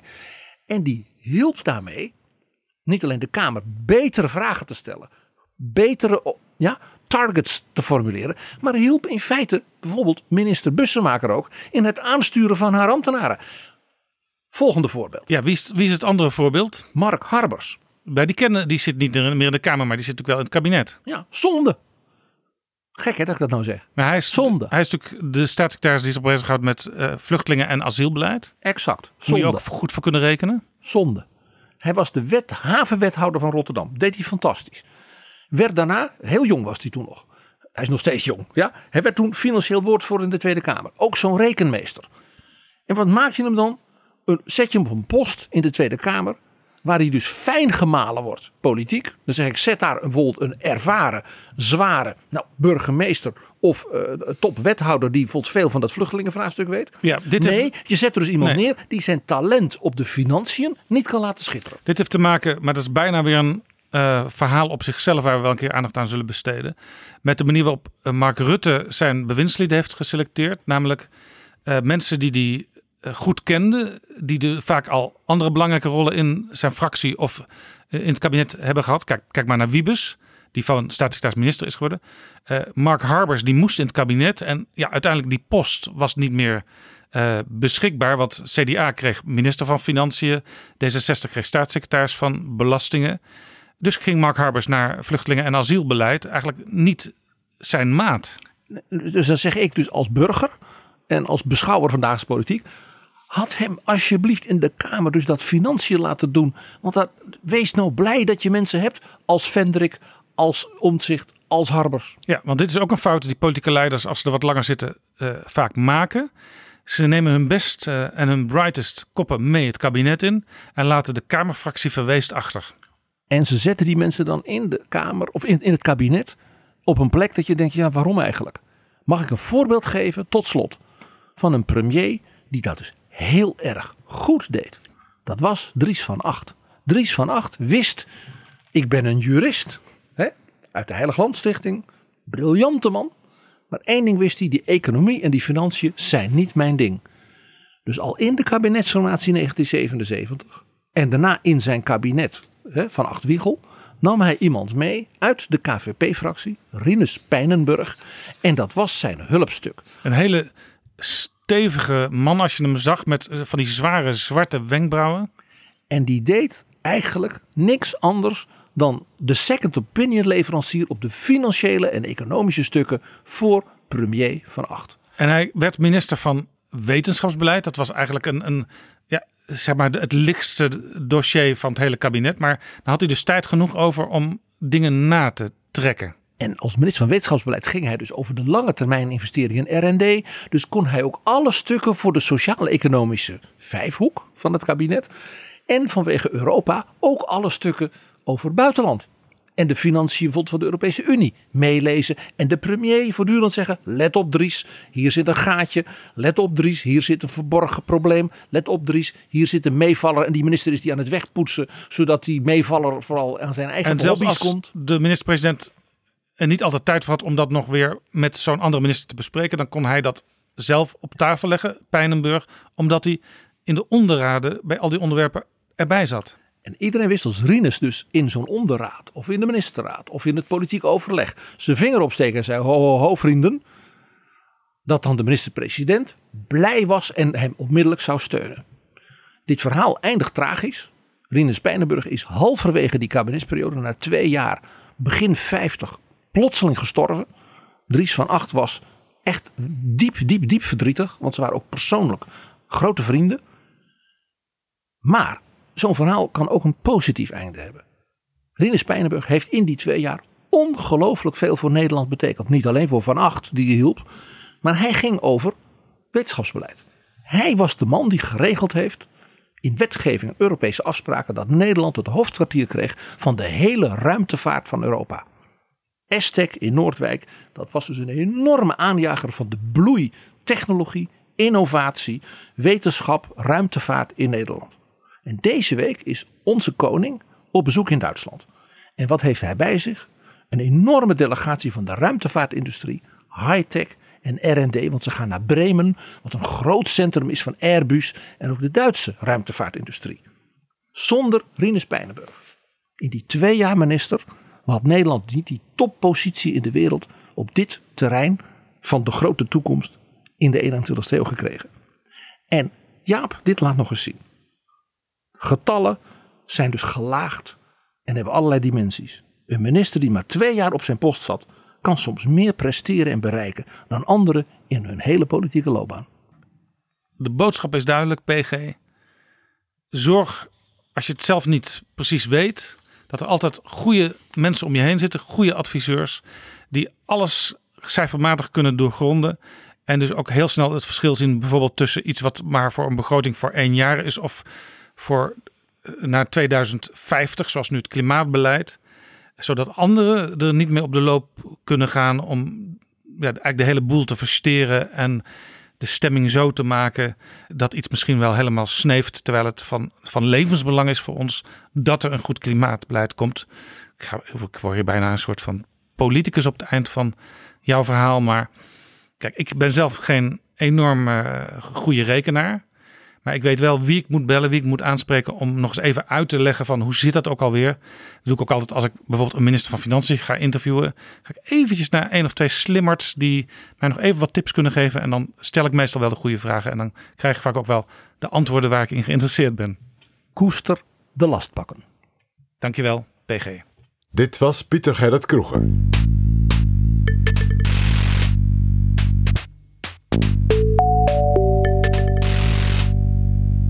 Dit is Betrouwbare Bronnen, een wekelijkse podcast met betrouwbare bronnen.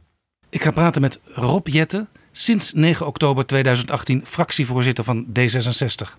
Hij was toen amper anderhalf jaar Kamerlid, maar hij had al wel acht jaar ervaring als raadslid en fractievoorzitter in de gemeenteraad van Nijmegen en daarvoor als voorzitter van de Jonge Democraten. Welkom in Betrouwbare Bronnen, Rob Jetten. Dankjewel. U volgde vijf maanden geleden Alexander Pechtold op. Hoe vaak heeft u nog contact met hem? Nou, eigenlijk bijna wekelijks. Uh, Alexander en ik uh, appen af en toe uh, met elkaar. soms voor een vraag of advies, maar vaak ook gewoon ter ontspanning en vermaak. Waar heeft u het laatst nog advies over gevraagd? Um, ik ga nu een aantal weken in voor de provinciale statenverkiezingen van 20 maart. en ja, dan ga ik voor het eerst deelnemen aan allerlei tv-debatten, uh, aan de lopende band, interviews uh, en optredens uh, her en der. Ik heb eigenlijk vooral aan Alexander gevraagd, hoe zorg je ervoor dat je in die laatste twee weken van de campagne het ook een beetje leuk houdt voor jezelf, de ontspanning zoekt um, en andere tips die hij nog voor mij had. Maar bij Alexander Pechtold, weet ik, was het helemaal niet ontspannen, want elk televisieoptreden werd 100% teruggekeken met zijn medewerkers. Ja, ik doe dat niet met elk televisieoptreden, maar wel uh, zo nu en dan. Uh, gewoon om mezelf uh, terug te zien. Ik denk dat het ook heel nuttig is om, om steeds beter te worden in je vak. Hè, want ik vind het politieke werk is gewoon echt een vak. Dus ik kijk ook wel eens kamerdebatten terug. of toen ik nog gewoon Kamerlid was, ook wel eens commissievergadering. Om, om te zien, ja, het verhaal dat je wil vertellen, komt dat ook goed over? hoe zit je erbij? ja, dat hoort ook bij dit werk. U zat eerder deze week bij Eva Jinek in de talkshow. Hoe zat u er daarbij? Is dat allemaal goed gegaan daar? Uh, nou, dat, ik vond het zelf een hele leuke uitzending. Ook door de andere gasten aan tafel. Bijvoorbeeld de twee NOS-correspondenten die gingen wisselen van standplaats. Echt een genot om naar te luisteren. Ja, dan, ik vraag maar, mij, maar mijzelf, uh, ja, ik heb. voor mij is denk ik de grootste uh, les of ontwikkeling in die afgelopen vijf maanden als fractievoorzitter. dat ik echt plezier heb gekregen in het werk. En ook dus in dat soort late-night talkshows. Um, en ik mocht afgelopen maandag bij Eva Jinek praten over een onderwerp dat me ook heel erg naar het hart ging, aan het hart ligt. Dus dat helpt ook. En uh, het is allemaal goed gegaan. Da Dit dat, was geen leermoment. Nou, ik vond het zelf een, goede uitzending, maar uh, misschien uh, moet ik vooral aan anderen vragen wat zij ervan vonden. U zat daar omdat u een nieuwe koers uitgezet heeft voor D66 en dat deed u met een toespraak. Die toespraak, daar was ik bij en ik vroeg me af, waar is uw trui? mijn, mijn klimaatdrammer Ja. Ja, die had, ik, uh, die had ik die afgelopen maandag en ook nu thuis gelaten. Het uh, zijn wel heerlijke truien, overigens van biologische katoen. Dus ik kan iedereen een klimaatdrammer trui aanraden. Uh, maar ik mocht afgelopen maandag de Kerdijk-lezing uitspreken. En dat is een lezing die is vernoemd naar eigenlijk de, ja, een van de eerste sociaal-liberale parlementariërs die we ooit hebben gehad in Nederland. Al in de 19e eeuw? Al in de 19e eeuw. En dat was dus een liberaal die opkwam voor uh, sociale en radicale voorstellen. En ik heb bij de Kerdijk-lezing eigenlijk willen betogen dat D66 in die sociaal-liberale traditie staat. Een traditie van radicale kansengelijkheid. Um, en daarom ging mijn speech vooral over onderwijs, over diversiteit en over democratie. Daar gaan we het zo over hebben, over de inhoud van die speech. Het klimaat kwam dus niet aan de orde daar. Daar bent u natuurlijk wel heel erg bekend van inmiddels. Ander onderwerp waar u en uw partij ook bekend van zijn is uh, Europa. Daar gaan we het ook niet over hebben. Toch wel één vraag. Manfred Weber, de spitsenkandidaat van de Europese Christendemocraten, die was de gast in Betrouwbare Bronnen. En die verweet de liberalen dat ze eigenlijk het spel niet meespelen, dat ze rommelen met die Europese verkiezingen. Want, zegt hij, ik heb bij de liberalen nog geen spitsenkandidaat gezien. Daar, wij, inderdaad, bij Europese verkiezingen zie je dat die grote Europese koepels tegenwoordig uh, iemand naar voren schuiven als de gedroomde kandidaat. De vorige keer was dat Guy Verhofstadt? Ja, voor de ALDE, waar D66 onderdeel van uitmaakt, voor het voorzitterschap van de Europese Commissie. Dit keer uh, kiest de ALDE ervoor om een team uh, van spitsenkandidaten te presenteren. Dat gaat binnenkort gebeuren. Er zijn dus een aantal goede, gedegen liberale politici en bestuurders die beschikbaar zijn voor een rol in Europa na de Europese verkiezingen. Ik vroeg aan Sofie in het veld of zij daarbij zou zijn. En ze zei ja, dat ga ik niet helemaal alleen over. Maar eigenlijk zei ze dat ik zou er wel bij willen zijn. Wil u ook dat zij daarbij is? Nou, ik ben allereerst heel erg blij dat Sofie in het veld uh, de lijsttrekker is voor D66. Ze is een van de meest ervaren Europarlementariërs. Zeer uitgesproken op onderwerpen als het beschermen van de rechtsstaat. En ik geloof sowieso dat Sofie in het veld na de Europese verkiezingen een hele belangrijke rol kan spelen in de liberale en democratische fractie. Ze is nu al vice-fractievoorzitter onder Guy Verhofstadt. Ja, dus dat is al zomaar die, ja. die stap verder, spitsenkandidaat? Nou, daar, uh, daar gaan we uh, in de Europese liberale familie uh, met z'n allen over. Maar ik ben ervan overtuigd dat Sofie een belangrijke rol zal spelen, ook na de Europese verkiezingen. Spitsenkandidaat? Daar ga ik uh, niet over. Daar ga ik, uh, kan ik ook niet meer over zeggen nu hier uh, in dit Nee, maar je kunt toch zeggen, dat zou ik leuk vinden. Maar ik kan me voorstellen dat het niet gebeurt. Omdat er ook mensen uit Italië in die groep moeten. En mensen uit ja, nee, ja, daarom zeg ik dus inderdaad van... Ik ga er niet alleen over. Het is, het is een liberale familie met partijen uit bijna alle EU-lidstaten. Dus we zoeken naar een, een, een goede mix in dat team. met een aantal ervaren mensen, zowel mannen als vrouwen. en binnenkort wordt dat gepresenteerd. We blijven rustig afwachten. U hield die toespraak afgelopen maandag. Uh, was u van tevoren naar de oogarts geweest? Nee. Want een liberaal met visie die gaat ook naar de oogarts?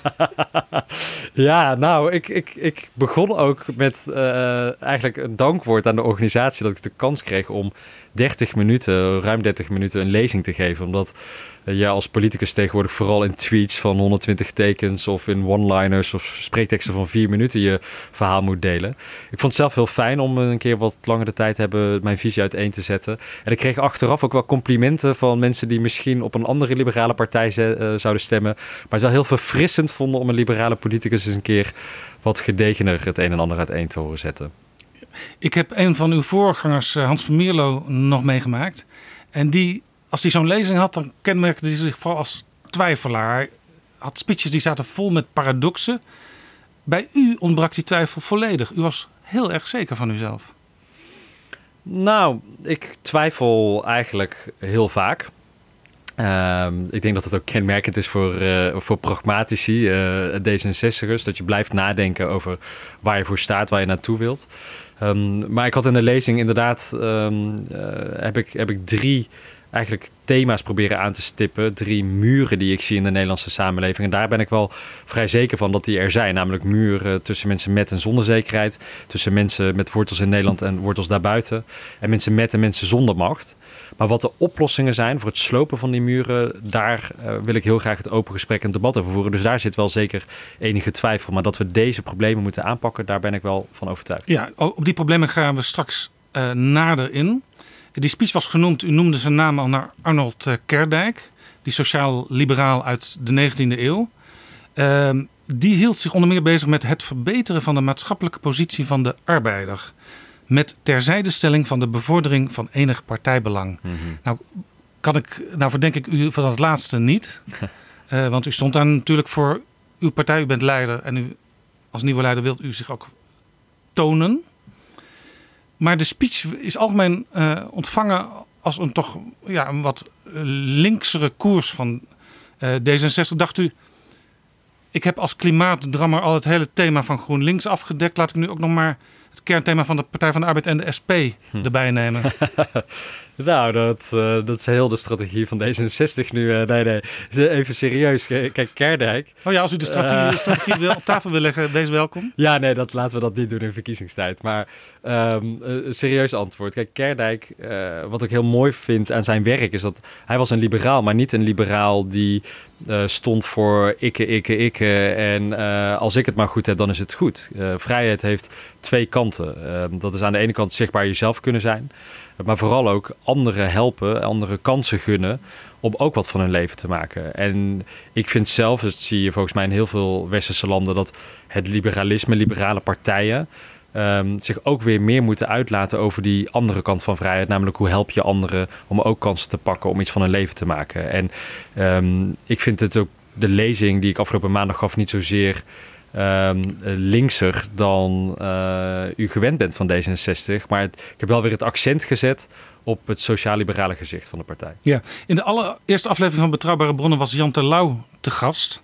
Uh, die andere grote leider uh, naast Van Mierlo en natuurlijk Alexander Pechtold uit het verleden van uw partij.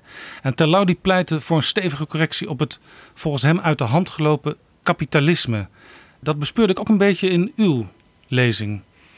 Nou, ik, ik denk allereerst dat we uh, het kapitalisme vooral ook moeten blijven verdedigen. Want uh, die vrije markt, wereldhandel heeft ons de afgelopen decennia ontzettend veel gebracht. We zijn rijker, welvarender dan ooit. De meeste Nederlanders zijn ook hartstikke gelukkig.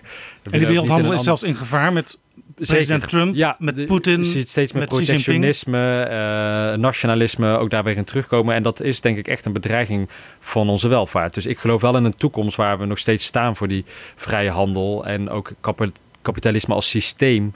Uh, wel blijven omarmen. Maar ik vind ook dat we iets meer oog mogen hebben voor de schaduwkanten daarvan. Uh, een vrije markt waarin uh, een groot bedrijf zoals Facebook, Google of Amazon in een paar jaar tijd eigenlijk de hele markt kan opeten en daarmee een monopolist wordt, is geen echte vrije markt.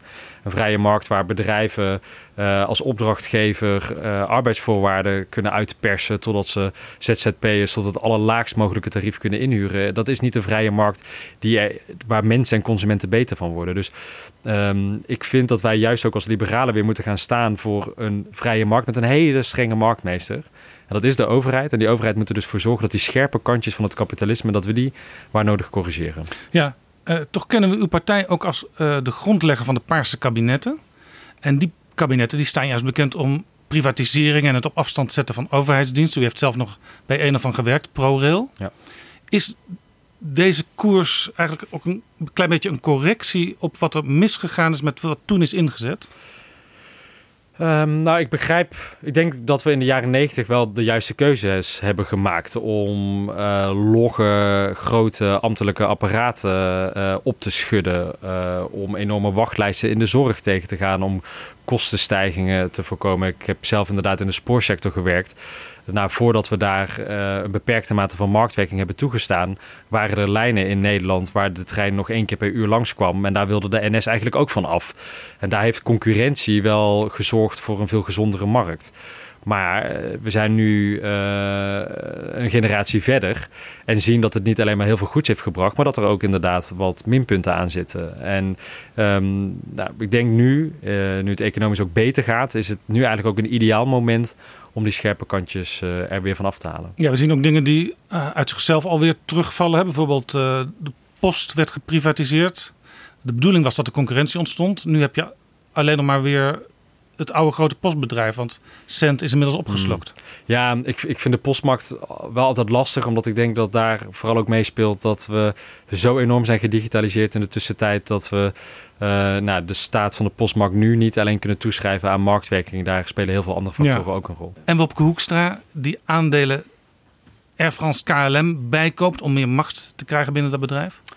Ja, ik, daar ik stond eerlijk gezegd niet te springen toen ik dat uh, nieuws hoorde. Um, uh, D66 heeft er juist altijd voor gepleit dat de Franse staat haar aandelenpakket uh, flink zou verminderen omdat je zag dat nou, Frankrijk als aandeelhouder niet altijd het bedrijfsbelang van Air France KLM voorop had staan. Maar omdat de Fransen hun belang niet verkopen, denk ik dat het wel goed is voor Nederland, voor de positie van Schiphol en de positie van KLM, dat Nederland daar nu ook een aantal aandelenpakketten in verworven heeft om weer meer balans in het Air France KLM in de groep te krijgen. Maar uh, wat mij betreft is dit nu niet een eerste stap om als Nederlandse overheid in allerlei sectoren ons te gaan inkopen. Uh, want dat is niet zozeer het corrigeren van de scherpe kantjes. Ik denk dat het vooral gaat over streng toezicht op de marktwerking, monopolisten aanpakken, uh, te hoge prijzen voor consumenten of te lage prijzen voor werknemers aanpakken. En dan vooral die ondernemers uitdagen om gewoon goed concurrerend werk te leveren. Ja, er wordt nu ook af en toe geroepen om een volksbank terug te krijgen. En Arnold Kerdijk destijds die richtte de Rijksbospaarbank op. Ja. Is dat een idee? Nou, de, kijk, de financiële sector heeft natuurlijk ons uh, uh, de afgelopen 10, 20 jaar wel behoorlijk wat problemen uh, bezorgd. Er was onlangs nog een groot debat hier in de Tweede Kamer ook over de vraag: hebben we nou voldoende geleerd van die financiële sector? Is daar voldoende ook weer controle en toezicht op? Um, en het antwoord is nee, we zijn er zeker nog niet. We hebben nog niet alle lessen van die financiële sector ook echt slim toegepast die Volksbank, nou ja, uh, ik hoop dat we uiteindelijk een, een, een, bankaire sector hebben die voldoende goed op zichzelf let. Uh, en waar niet meer uh, oneindig wordt gegokt met dat zwaar verdiende spaargeld van mensen. En als de bankensector dat kan, dan heb je denk ik ook geen staatsbank nodig. Is Hans Weijers nog lid van D66? Want u helpt eigenlijk een beetje zijn erfenis om zeep. Nou, dat is uh, incorrect eigenlijk. Want uh, als je praat met die paarse ministers van D66, die zijn juist, dat zijn juist hele bevlogen mensen over uh, waarom zij deden wat zij deden. Namelijk uh, een gezonde balans zoeken tussen de overheid en de markt en wat mensen zelf kunnen doen. En het doorgeslagen neoliberale denken, uh, dat was niet hetgeen waar die D66-ministers destijds voor stonden. Nou, dat beeld is bij sommigen is er wel. Als ik SP'ers hoor, die beginnen altijd over mensen als Weijers en Brinkhorst... die allemaal ja. SP-ogen verschrikkelijk nou ja, dat, dat, dat beeld op, uh, op dat, met name dat tweede paarse kabinet uh, en de partijen die daar onderdeel van uitmaakten is geplakt. Dat, dat ontken ik ook niet. Maar dat was een periode waarin D66, Partij van de Arbeid en de VVD met elkaar uh, regeerden. Um, ik denk dat juist mensen als Hans Weijers, maar ook Roger van Boksel in de tijd... Ehm, ja, toen ook al heel erg stonden voor een sterke overheid die die vrije marktwerking wel in toom hield. Ja, u wilt dat soort types, uh, Weijers, die CEO was van Bokstel, die ook hoog in het bedrijfsleven zit, ook korten op hun inkomen. Hè? Want CEO's verdienen in Nederland 83 keer een modaal inkomen. En u vindt dat te veel? Nou, ik heb in de Kerdijk-lezing een beroep gedaan op het uh, Nederlandse bedrijfsleven. Um, inderdaad, van uit mijn hoofd even de 20 grootste Nederlandse beursfondsen in ieder geval. Daar verdienen de CEO's gemiddeld 83 keer meer uh, dan de werknemers van die bedrijven. En dat is een loonkloof die dus ook in Nederland steeds groter wordt. En ik vind dat op termijn onhoudbaar. Um, ook als je je realiseert dat eigenlijk sinds eind jaren 70, begin jaren 80 voor heel veel Nederlanders het reële besteedbare inkomen niet is gegroeid dus dan gaat het heel goed met ons land en de economie uh, draait goed. En we hebben uh, nog steeds een van de beste onderwijs- uh, en zorgsystemen van de wereld. Maar er is dus ook een hele grote groep Nederlanders die niet het gevoel heeft dat zijn persoonlijke of haar persoonlijke situatie beter of dat hun kinderen nog een betere toekomst gaan krijgen. En mijn beroep op werkgevers in Nederland is: zorg er nou voor, zeker nu het zo goed gaat met de economie, dat ook die lonen harder gaan stijgen en matig een beetje je eigen salarisstijging. Ja. Een van de concrete dingen in uw speech, die ook in de media uh, veel naar voren kwam, was: u wil kleine spaarders helpen door ze lager te belasten. Maar mensen met een miljoen of meer, even los van hun huis, die moeten meer belasting gaan betalen.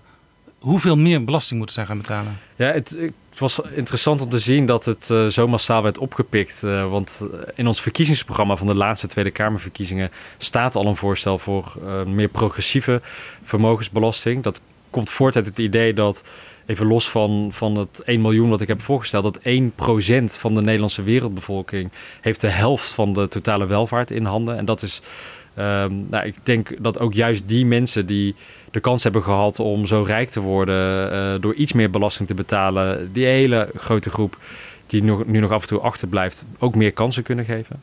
In Nederland denk ik dat het goed zou zijn als we Um, inderdaad vermogens boven de miljoen wat zwaarder belasten, zodat we de inkomstenbelasting bijvoorbeeld verder kunnen verlagen of kleine spaarders verder kunnen ontzien. Weet u hoeveel dat oplevert als je dat doet? Nou, dat, dat, het ligt er helemaal aan uh, welke vermogens je aanslaat, welk percentage je daar tegenover zet. Er is ook een groot pleidooi om niet zozeer vermogen, maar met name het reële rendement te belasten. Dat is ook al een lange wens van D66, maar dat kan de Belastingdienst helaas nog niet ja. uitvoeren. Ja, en dat is vooral ook voor kleine spaarders uh, prettig, want die betalen nu vaak te veel aan de belasting. Ja, precies. Hè, want uh, je krijgt op dit moment eigenlijk geen rente uh, op je zwaar verdiende spaarcenten, maar je moet dan wel over een fictief rendement belasting betalen. Dus eigenlijk dat systeem aanpassen, daar, daar heb ik wel heel veel bijval op gekregen de afgelopen dagen. En ik hoop dus vooral dat we dat mijn lezing ook de collega's in de Tweede Kamer inspireert om gewoon met elkaar debat te voeren over ja, hoe kunnen, kunnen we nu een klein stukje van die enorme welvaart die bij een kleine groep zit. Uh, daar die mensen een beroep op die mensen doen iets meer belasting te betalen, zodat we ook andere mensen meer kansen kunnen geven. Maar uh, een, met een miljoen ben je nog niet echt rijk. Daar zit toch niet het echte probleem. Want als ik naar de quote 500 kijk bijvoorbeeld, dan moet je minstens 8 miljoen bij elkaar tellen om hmm. daarin te mogen komen. Nou ja, we leven. Minstens 80 miljoen. Ja, er zijn, er zijn dus gelukkig heel veel mensen die uh, uh, in Nederland de kans krijgen om zoveel geld te verdienen. En dat gun ik ze ook van harte, want veel van die mensen hebben daar waarschijnlijk iets briljants voor bedacht, een innovatief bedrijf opgezet, hebben daar heel hard voor gewerkt. Dus uh, dat moeten we ook zeker koesteren. Um, maar het probleem zit hem veel meer dus bij de groep die al decennia lang zijn inkomen eigenlijk niet ziet stijgen. Die er op die woningmarkt maar niet meer tussenkomt. Die zich zorgen maakt over krijgen mijn kinderen het nog beter ja. in Nederland. En dat is dus ook de groep die heel hard werkt, weinig geld verdient, zijn vermogen niet ziet groeien omdat er bijna geen rente over wordt betaald. En mijn pleidooi is dus laten we ervoor zorgen dat we die mensen iets meer ondersteunen. Ja, nee, dat, dat begrijp ik. Maar uh, stel ik heb uit een erfenis heb ik een, een miljoen gekregen. Uh, u zegt ik tel huizen, bezit niet mee. Maar dan dwingt u mij eigenlijk om dat miljoen in stenen te stoppen. Terwijl ik anders misschien mooie maatschappelijke dingen mee kon doen. Of in kunst en cultuur investeren of zo. Nou ja, kijk, uh, als u uh, naar partijen als de SP luistert, dan snap ik dat mensen zich zorgen gaan maken dat dan alles van je wordt afgepakt en alles wordt belast. Dat is niet mijn pleidooi. Mijn pleidooi is om uh, mensen met grote vermogens te vragen iets meer belasting te betalen. Ik ga daar nu geen concrete percentages op plakken, maar ik ga heel graag met andere partijen het gesprek aan over hoe zouden we dat mogelijk kunnen Ja, en die andere partij is onder andere de Partij van de Arbeid. Er is een motie ingediend deze week, naar aanleiding van uw speech, van de leden van Den Hul en Ascher. Dat zijn Kirsten van der Hul, Lodewijk Ascher. En die zeggen eigenlijk, voer dat plan van Jette uit. Ik neem aan dat Jette daarvoor gaat stemmen. Nou, ik ben allereerst heel blij uh, te merken dat uh, zoveel uh, politieke partijen mijn lezing met aandacht hebben gelezen. Want gisteren in een Kamerdebat hoorde ik ook al een Kamerlid van 50PLUS daarover praten. dus ik hoop dat ik hen heb geïnspireerd. de heer Ascher omarmt mijn pleidooi voor een meer progressieve vermogensbelasting. Maar koppelt meteen de opbrengst daarvan aan extra investeringen in de publieke sector. Dat is een keuze. Uh, ik maak een andere keuze. Ik zeg uh, iets meer belasting over grote vermogens moeten we vooral inzetten om mensen met een kleine portemonnee uh, te ontzien in hun inkomstenbelasting en vermogensbelasting. Ja, dus dat plan dat, dat zit in uw hoofd, alleen u wilt het op een bepaalde manier uitvoeren. Nou is het fijne dat uw partij de tools al in handen heeft en die ja, eigenlijk één tool, die heet Menno Snel. Die is, is, is staatssecretaris voor belastingen. Die kan dat gewoon regelen. Die kan een wet indienen. Nou, wat we uh, in het regeerkort al hebben geregeld, is dat we in ieder geval kleine spaartegoeden iets meer uh, ontzien. De vrijstelling uh, is wat toegenomen. Dus we, eigenlijk doet dit kabinet al wat ik bepleit, namelijk iets progressiever omgaan met die vermogensbelasting. Maar als je nog een stap verder zou willen gaan, dan heb je natuurlijk wel een meerderheid in de Kamer nodig. en die zie ik nu nog niet. Um, maar dat vind ik wel de rol van D66. Dat je vanuit dat radicale midden af en toe uh, taboes durft te benoemen. Heilige huisjes durft, uh, dat durft tegenaan te schoppen. En dan doe je soms een voorstel waar niet meteen iedereen om staat te springen. Maar je gaat wel aan de slag om op termijn daar voldoende steun voor te krijgen. Ja, u zegt de overheid moet een strenge marktmeester zijn. De strengste marktmeester die zit vaak al in Brussel, hè, want die legt boetes op aan Google en Facebook. Ja. Uh, uw partij wil zich ook te weerstellen tegen China en Amerika. Er zijn politici in Europa die zeggen: om sterk te staan als Europa moet je soms iets minder streng zijn. Bijvoorbeeld Peter Altmaier, de minister van Economische Zaken van Duitsland, zat in Betrouwbare Bronnen, aflevering 20. Die zegt: we moeten Europese kampioenen creëren, ook door bedrijven in Europa te laten samenwerken. En Manfred Weber, de spitsenkandidaat, die zei in Betrouwbare Bronnen 24 dat de Europese Commissie moet terugkomen op het fusieverbod wat ze een paar weken geleden hebben uitgesproken tussen Siemens en Alstom, hmm. want die willen snelle treinen produceren. Zit daar wat in, in die redenering? Nou, ik, dat, dat specifieke voorbeeld, daar, uh, daar weet ik te weinig van om me daarover uit te laten. Kijk, ik denk wel dat uh, Chinese marktpartijen die uh, massaal worden gesteund door de Chinese overheid of die um, de Chinese overheid in hun bedrijf hebben en misbruik probeert te maken van de data die Zoals Huawei ja, verzamelen van ons uh, hier in Nederland. Daar moeten we uh, geen illusies over hebben. Dus we moeten heel kritisch kijken: is dat echt een eerlijke Chinese marktpartij die eerlijk kan concurreren met Europese bedrijven? Dus ik, ik ben wel heel erg voor um, een, een betere Nederlandse en Europese aanpak uh, richting China en Amerika. Um, maar met, met, met China, maar, met China kun je natuurlijk nooit eerlijk concurreren, zelfs even los van het spionage of zo. Maar dan heb je gewoon uh, staatskapitalisme. Als de Chinese overheid besluit dat een bedrijf een stad gaat bouwen, dan staat die stad daar over mm. twee jaar. Ja, dat is onder andere omdat ze daar uh, echt lak hebben aan uh, Chinezen die daar dan al, al wonen. Daar hebben we gelukkig in Nederland goede planologische wetgeving voor. Um, maar ik denk niet dat de oplossing is om uh, Europese bedrijven dan meer te gaan voortrekken of andere spelregels voor Europese bedrijven te hanteren dan voor Amerikaanse of Chinezen. Want dan doen we eigenlijk hetzelfde als wat Trump en, en Xi Jinping nu aan het doen zijn. Namelijk de, eigenlijk de wereldwijde vrijhandel um, echt op het spel zetten. Maar dat betekent dus, dus wel in de praktijk dat als China met een hele goede snelle trein komt, dat Siemens en Alstom, die niet mogen fuseren van de Europese Commissie, op achterstand staan. Nou, je moet dus nadenken over hoe kunnen we betere regels maken om die marktwerking uh, te bevorderen. Uh, maar daarbij Europese bedrijven en bedrijven van buiten Europa wel, denk ik, ja, volgens dezelfde set regels te beoordelen. Ja, u wilt uh, drie soorten muren slopen, zei u. De eerste muur waar u het in uw speech over had, is de, de muur van zekerheid en tussen zekerheid en onzekerheid. We hadden het daar nu al een klein beetje over. Uh, u wil ook ZZP'ers helpen, of eigenlijk kijken wie is er echt ZZP'er en wie is gedwongen ZZP'er. Ja. Dus zeg maar een soort nieuw proletariaat. Wat willen u voor die mensen doen? Nou, op, op de eerste plaats uh, zijn er heel veel mensen die dus uh, echt, echt zelf voor kiezen om als ZZP'er te werken. Die uh, het fijn vinden dat er ook niet te veel regels aan gebonden zijn. Um, zodat ze zelf lekker kunnen ondernemen. Uh, en dat moeten we ook vooral zo laten. Alleen je ziet dat de laatste jaren een hele grote groep, eigenlijk uh, bijna de complete groei aan banen de afgelopen jaren, zit in payrolling, zit in tijdelijke contracten, flexcontracten en gedwongen ZZP'ers. En dat zijn vaak mensen die tegen een heel laag tarief worden betaald. En dan kun je denken, nou ja, dat hoort bij jouw ondernemerschap. Maar dat tarief is soms zo laag dat die mensen gewoon niet in staat zijn om zich te verzekeren tegen risico's, een pensioen op te bouwen of um, fatsoenlijk te sparen als ze gewoon zelf met die eh, risico's willen omgaan. Um, je ziet dan bijvoorbeeld beroepsgroepen, uh, zoals fotografen, die zich eigenlijk willen verenigen om nou, fatsoenlijke tarieven te vragen voor het werk dat zij doen. Maar die mogen dan uh, niet die tegenmacht organiseren. Klopt, ik heb daar zelf ervaring mee, want ik ben lid van de Nederlandse Vereniging van Journalisten. En die hadden vroeger, maar dan spreek ik echt over 15 tot 20 jaar geleden, ja. tarieflijstjes. Nou, als je een dag voor een omroep gaat werken, kun je dit vragen. Als je een tekst van zoveel regels schrijft, kun je dat vragen. Uh, willen ze iemand op senior of op junior niveau? waren allemaal tarieven voor. Ja. Uh, maar die lijstjes die mogen niet meer gepubliceerd worden. Want ja, dan ben je blijkbaar aan een soort kartelvorming bezig of zo. Dus, maar ik heb dan geen vergelijking. Dus dan moet ik soms een beetje beschroomd aan een collega vragen. Wij spreken aan Kees Boonman van wat krijg jij? Ja. ja, dat kan toch niet de bedoeling zijn? Nee, nee, dat vind ik dus ook. Uh, kijk, uh, kartelvorming uh, bij hele grote bedrijven. En we kennen allemaal de voorbeelden uit de bouwsector bijvoorbeeld. Daar kunnen we ons wel iets bij voorstellen. Maar kartelvorming tussen ZZP'ers, ja. Uh, daar moeten we, we moeten dus niet doorslaan in het. En in een gewoon bedrijf, als je daar bijvoorbeeld een jaarcontract of een vaste dienstcontract hebt, Ja. dan weet je wel ongeveer van je collega wat hij verdient. Ja, precies. Dus je moet. Het gaat er mij dus om hoe we een gezonde mate van tegenmacht organiseren, zodat eh, nou, gedwongen ZZP'ers eigenlijk over een aantal jaren eh, niet meer bestaan, omdat we vaste contracten weer zo aantrekkelijk hebben gemaakt voor werkgevers, zodat ze mensen die ze eigenlijk gewoon in dienst kunnen nemen weer in dienst nemen. En mensen die toch als zelfstandigen werken, dat we eh, voorkomen dat die echt tegen ja, belachelijke arbeidsvoorwaarden worden ingehuurd. Ja, een andere muur die u wil slopen. Eh, ik zie dat beeld van die sloophamer steeds voor me. Mhm. Toch moeilijk om Heel te goed. combineren met die nette robjetten. maar u wil ook de muur slopen tussen eh, mensen met wortels hier in Nederland van oudsher en mensen met wortels elders. Ja.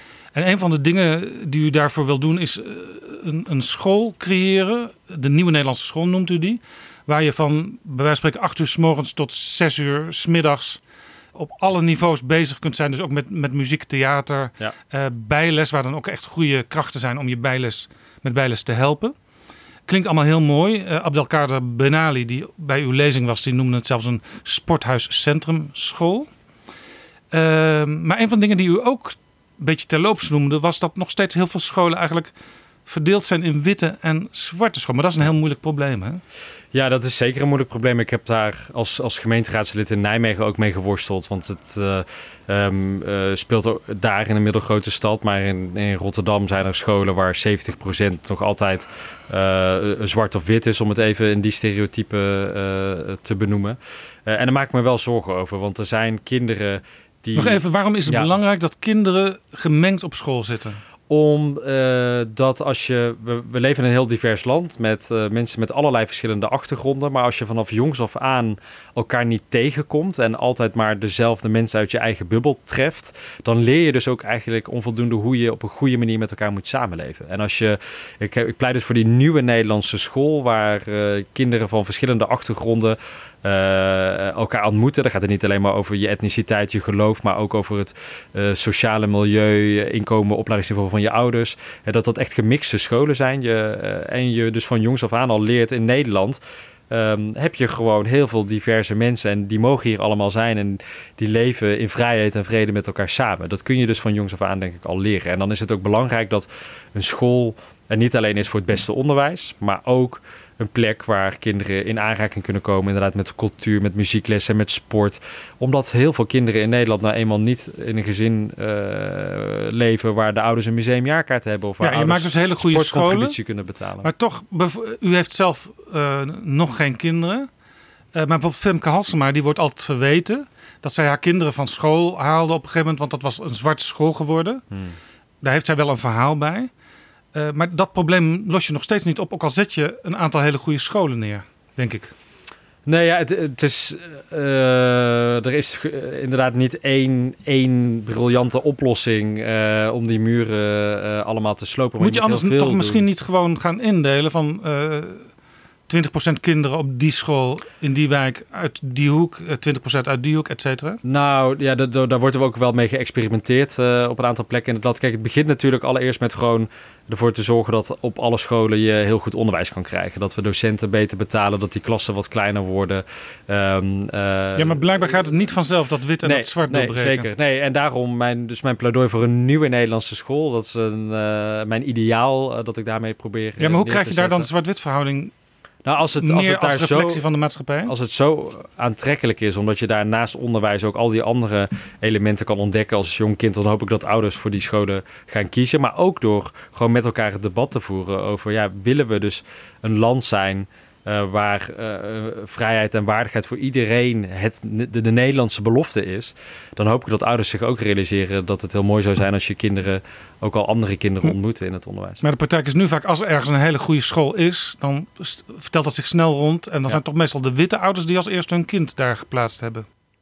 Nou ja, dus het, daar, en daar, je kunt daar wel al heel veel in doen, ook als gemeente. Door na te denken over vanaf welk moment kunnen ouders hun kinderen inschrijven in die school.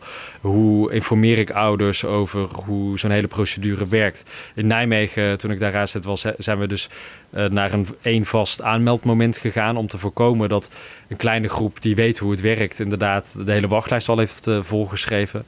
Ehm, en daar zag je dat dat soort initiatieven wel helpen om tot meer gemixte scholen te komen. Ja, soms vragen scholen ook eh, schoolgeld. En de ene ouder kan dat beter betalen dan de andere. Ja, en dat soort drempels eh, moet je eigenlijk zoveel mogelijk eh, voorkomen. Ehm, het is natuurlijk heel mooi als ouders bereid zijn en in de gelegenheid zijn om wat extra te betalen, zodat een school meer kan organiseren dan ze van hun eigen budget kunnen. Eh, maar het zou geen uitsluiting moeten zijn voor ouders en gezinnen die dat niet kunnen. Dus daar ben ik wel kritisch op. Ehm, mijn collega Paul van Menen, onze onderwijsman van D66, nu Kamerlid, maar 33 jaar in het onderwijs gewerkt, die pleit ook al langer om onderwijsgeld veel meer naar scholen zelf te laten gaan. Dus niet naar grote koepels.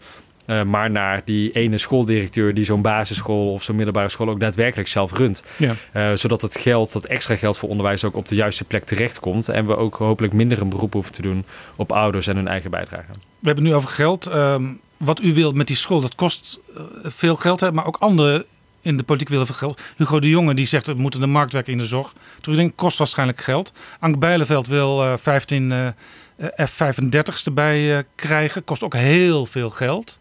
Eh, er is toch een soort regel in de economie dat als het redelijk goed gaat met de economie... dat je dan als overheid niet allemaal extra geld moet gaan uitgeven? Ja, we moeten inderdaad eh, daar voorzichtig in zijn. Eh, maar je ziet dat we met dit kabinet de staatsschuld echt enorm aan het aflossen zijn. We komen Dus er is ruimte. Onder, er is ruimte. We komen wellicht wel onder de 50% staatsschuld.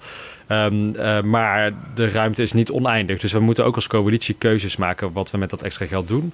Eh, CDA, VVD eh, pleiten dan inderdaad voor nog meer investeren in defensie. Nou, het lijkt me duidelijk dat voor D66 prioriteit 1, 2, 3 extra geld voor onderwijs is. Want we hebben gewoon 20 jaar kaalslag in dat onderwijs gehad. En eh, we komen van ver. We hebben al Ja. 8% extra salarissen voor eh, docenten al geregeld. Maar er is nog steeds een heel groot gat tussen de salarissen van in het primair en het voortgezet onderwijs. Dus daar is nog veel te doen. Ehm, maar die keuzes zullen we Ja. onder andere in april weer maken bij de voorjaarsdag.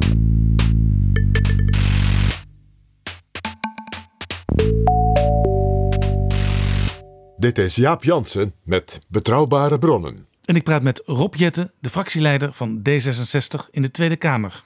Even over de F-35. In de ik dacht Telegraaf zei eh, Ank Bijleveld... ik schaf 15 extra F-35's aan. Heeft ze die wat u betreft al aangeschaft? Nee, absoluut niet. Het kabinet heeft in december gezegd... we willen graag nog meer eh, investeren in defensie... om eh, beter te voldoen aan de 2% NAVO-norm. Dat is een internationale afspraak. En ik begrijp ook, ben ik ook voor dat je daar naartoe werkt. Ehm, maar ik ben ook wel kritisch, want je ziet dat we... ehm, nu ook al bijna 2 miljard meer investeren in ons leger dan het vorige kabinet deed. Het is eigenlijk nog niet zo makkelijk om dat geld goed uitgegeven Nou te ja, krijgen. F-35 is een makkelijk uitgave. Nou ja, dat is een makkelijke uitgave. Maar eh, ik ben, eh, dan zeg ik ook tegen de minister en de staatssecretaris: u heeft nog steeds geen nieuwe CAO afgesproken over eh, salarisstijging van militairen, waar heel veel militairen om vragen. Modernisering van de arbeidsvoorwaarden binnen Defensie, die al volgens mij meer dan 100 jaar eigenlijk niet zijn opgeschoten. dus zijn- eerst maar eens het achterstallig onderhoud. nou, ik denk dat het achterstallig onderhoud heel erg belangrijk is. En dat we daarnaast moeten kijken eh, binnen Europa. Van als wij nou als Europese leden van de NAVO en als EU eh, Europa, ons Europese continent, goed willen verdedigen tegen de agressie van, van Trump, een terugtrekkende, oh sorry, de agressie van Poetin en een terugtrekkende Trump in de NAVO. Nou, Welke rol Trump kan- is ook best agressief af en toe. ja, maar nog niet eh, echt eh, tegen. Kijk, Poetin is echt al een Europees land binnengevallen. Dat, dat zie ik Trump gelukkig niet doen. Maar wij moeten ons afvragen welke bijdrage kan Nederland dan leveren in zo'n Europese krijgsmacht en binnen de NAVO. Ehm, en als dan een beroep op ons wordt gedaan om meer in de luchtvaart, eh, luchtmacht te investeren of meer in de marine te investeren, dan, dan moeten we daar wel eh, toe bereid zijn. Maar ik vind het gemak... Zegt u eigenlijk ook in Europees verband, als we meer samenwerken, zou het ook kunnen zijn dat Nederland een van de krijgsmachttaken afstoot? Ik kan me heel goed voorstellen dat Nederland zich op een gegeven moment gaat specialiseren. Dat doen we eigenlijk natuurlijk al. We werken ook al heel veel samen met onder andere de Duitsers. Ehm, eh, maar dat je als land gaat specialiseren, zodat andere Europese lidstaten doen waar zij goed in zijn.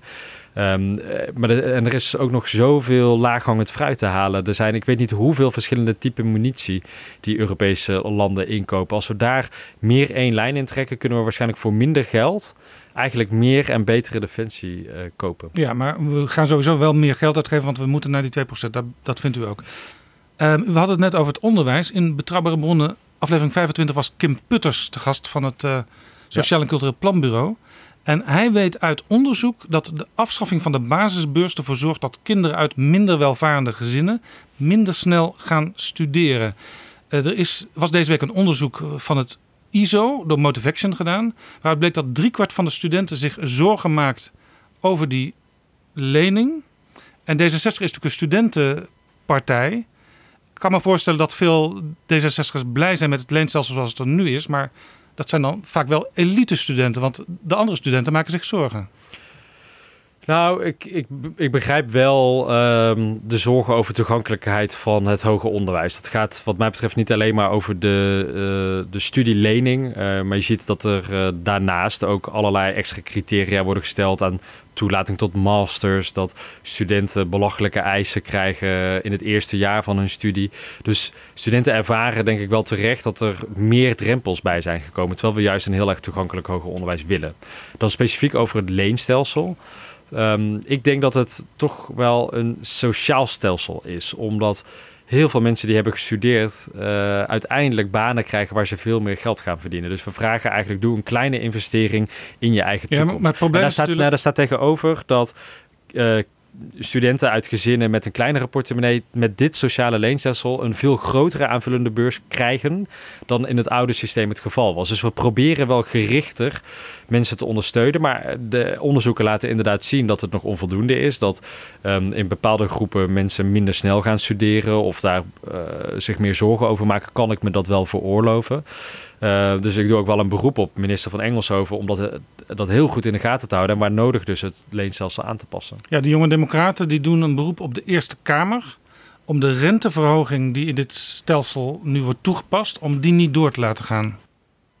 Ja, de, de, de, het geldt niet voor mensen die nu aan het studeren zijn, maar in de toekomst gaat de rente uh, voor U heeft daarvoor gestemd in de Tweede Kamer. Klopt, ja, dat was een afspraak uit het regeerakkoord om het um, uh, overigens bedacht door het CDA en de ChristenUnie in hun doorrekeningen uh, van de verkiezingsprogramma's. Maar wij hebben, staan, vinden dit allemaal niet het allermooiste, de mooiste afspraak in het coalitieakkoord.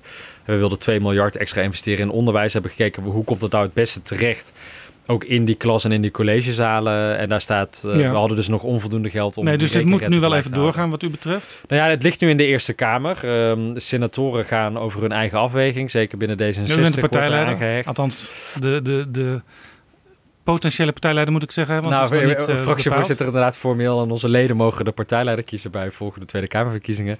Uh, maar die afweging ligt nu in de Eerste Kamer. Ik heb gezien dat de senatoren van D66 hele kritische vragen hebben gesteld over de aanpassing van de rekenrente. En ik denk ergens in dit voorjaar zal de Senaat dat wetsvoorstel behandelen. En zondag hebben we daar vast een goed uh, debat over op onze partijcongres. Ja, toch nog even concluderend over dit onderwerp. Hoor ik u eigenlijk tussen de regels door zeggen dat sociale leenstelsel... dat is in, in de kern heel erg goed bedacht en bedoeld. Maar er zitten nadelen aan. Er zijn inderdaad mensen waarvoor het echt een drempel blijkt te zijn. Nou zeggen uw uh, coalitiegenoten CDA en ChristenUnie dit kabinet kan daar niks meer aan doen. Dat hebben we nu helemaal zo afgesproken in het regeerakkoord. Maar een volgend kabinet moet daar echt toch wel verandering in gaan aanbrengen. Dat u daar misschien wel met hen over kan praten te zijn de tijd. Zeker. Ik heb ook in mijn Kerdijk-lezing een pleidooi gedaan om ons niet te veel blind te staren op dichtgetimmerde regeerakkoorden, maar te blijven nadenken over ja, wat zien we gebeuren in de samenleving en kunnen we daar dan op acteren. Als het gaat om de studiefinanciering, dan uh, zal D66 altijd blijven nadenken over hoe kunnen we het stelsel nog socialer maken. Hoe voorkomen we inderdaad dat de toegankelijkheid van het hoger onderwijs er slechter van wordt. En mijn oproep aan de collega's in de coalitie is: als wij nou in deze kabinetsperiode nog extra investeringen in het onderwijs doen, dan kunnen we die toegankelijkheid van het hoger onderwijs verbeteren. Maar kunnen we denk ik ook nog wat doen aan de salaris van leraren. U zei in uw lezing, u, u heeft het erover, regeerakkoorden zijn te dik.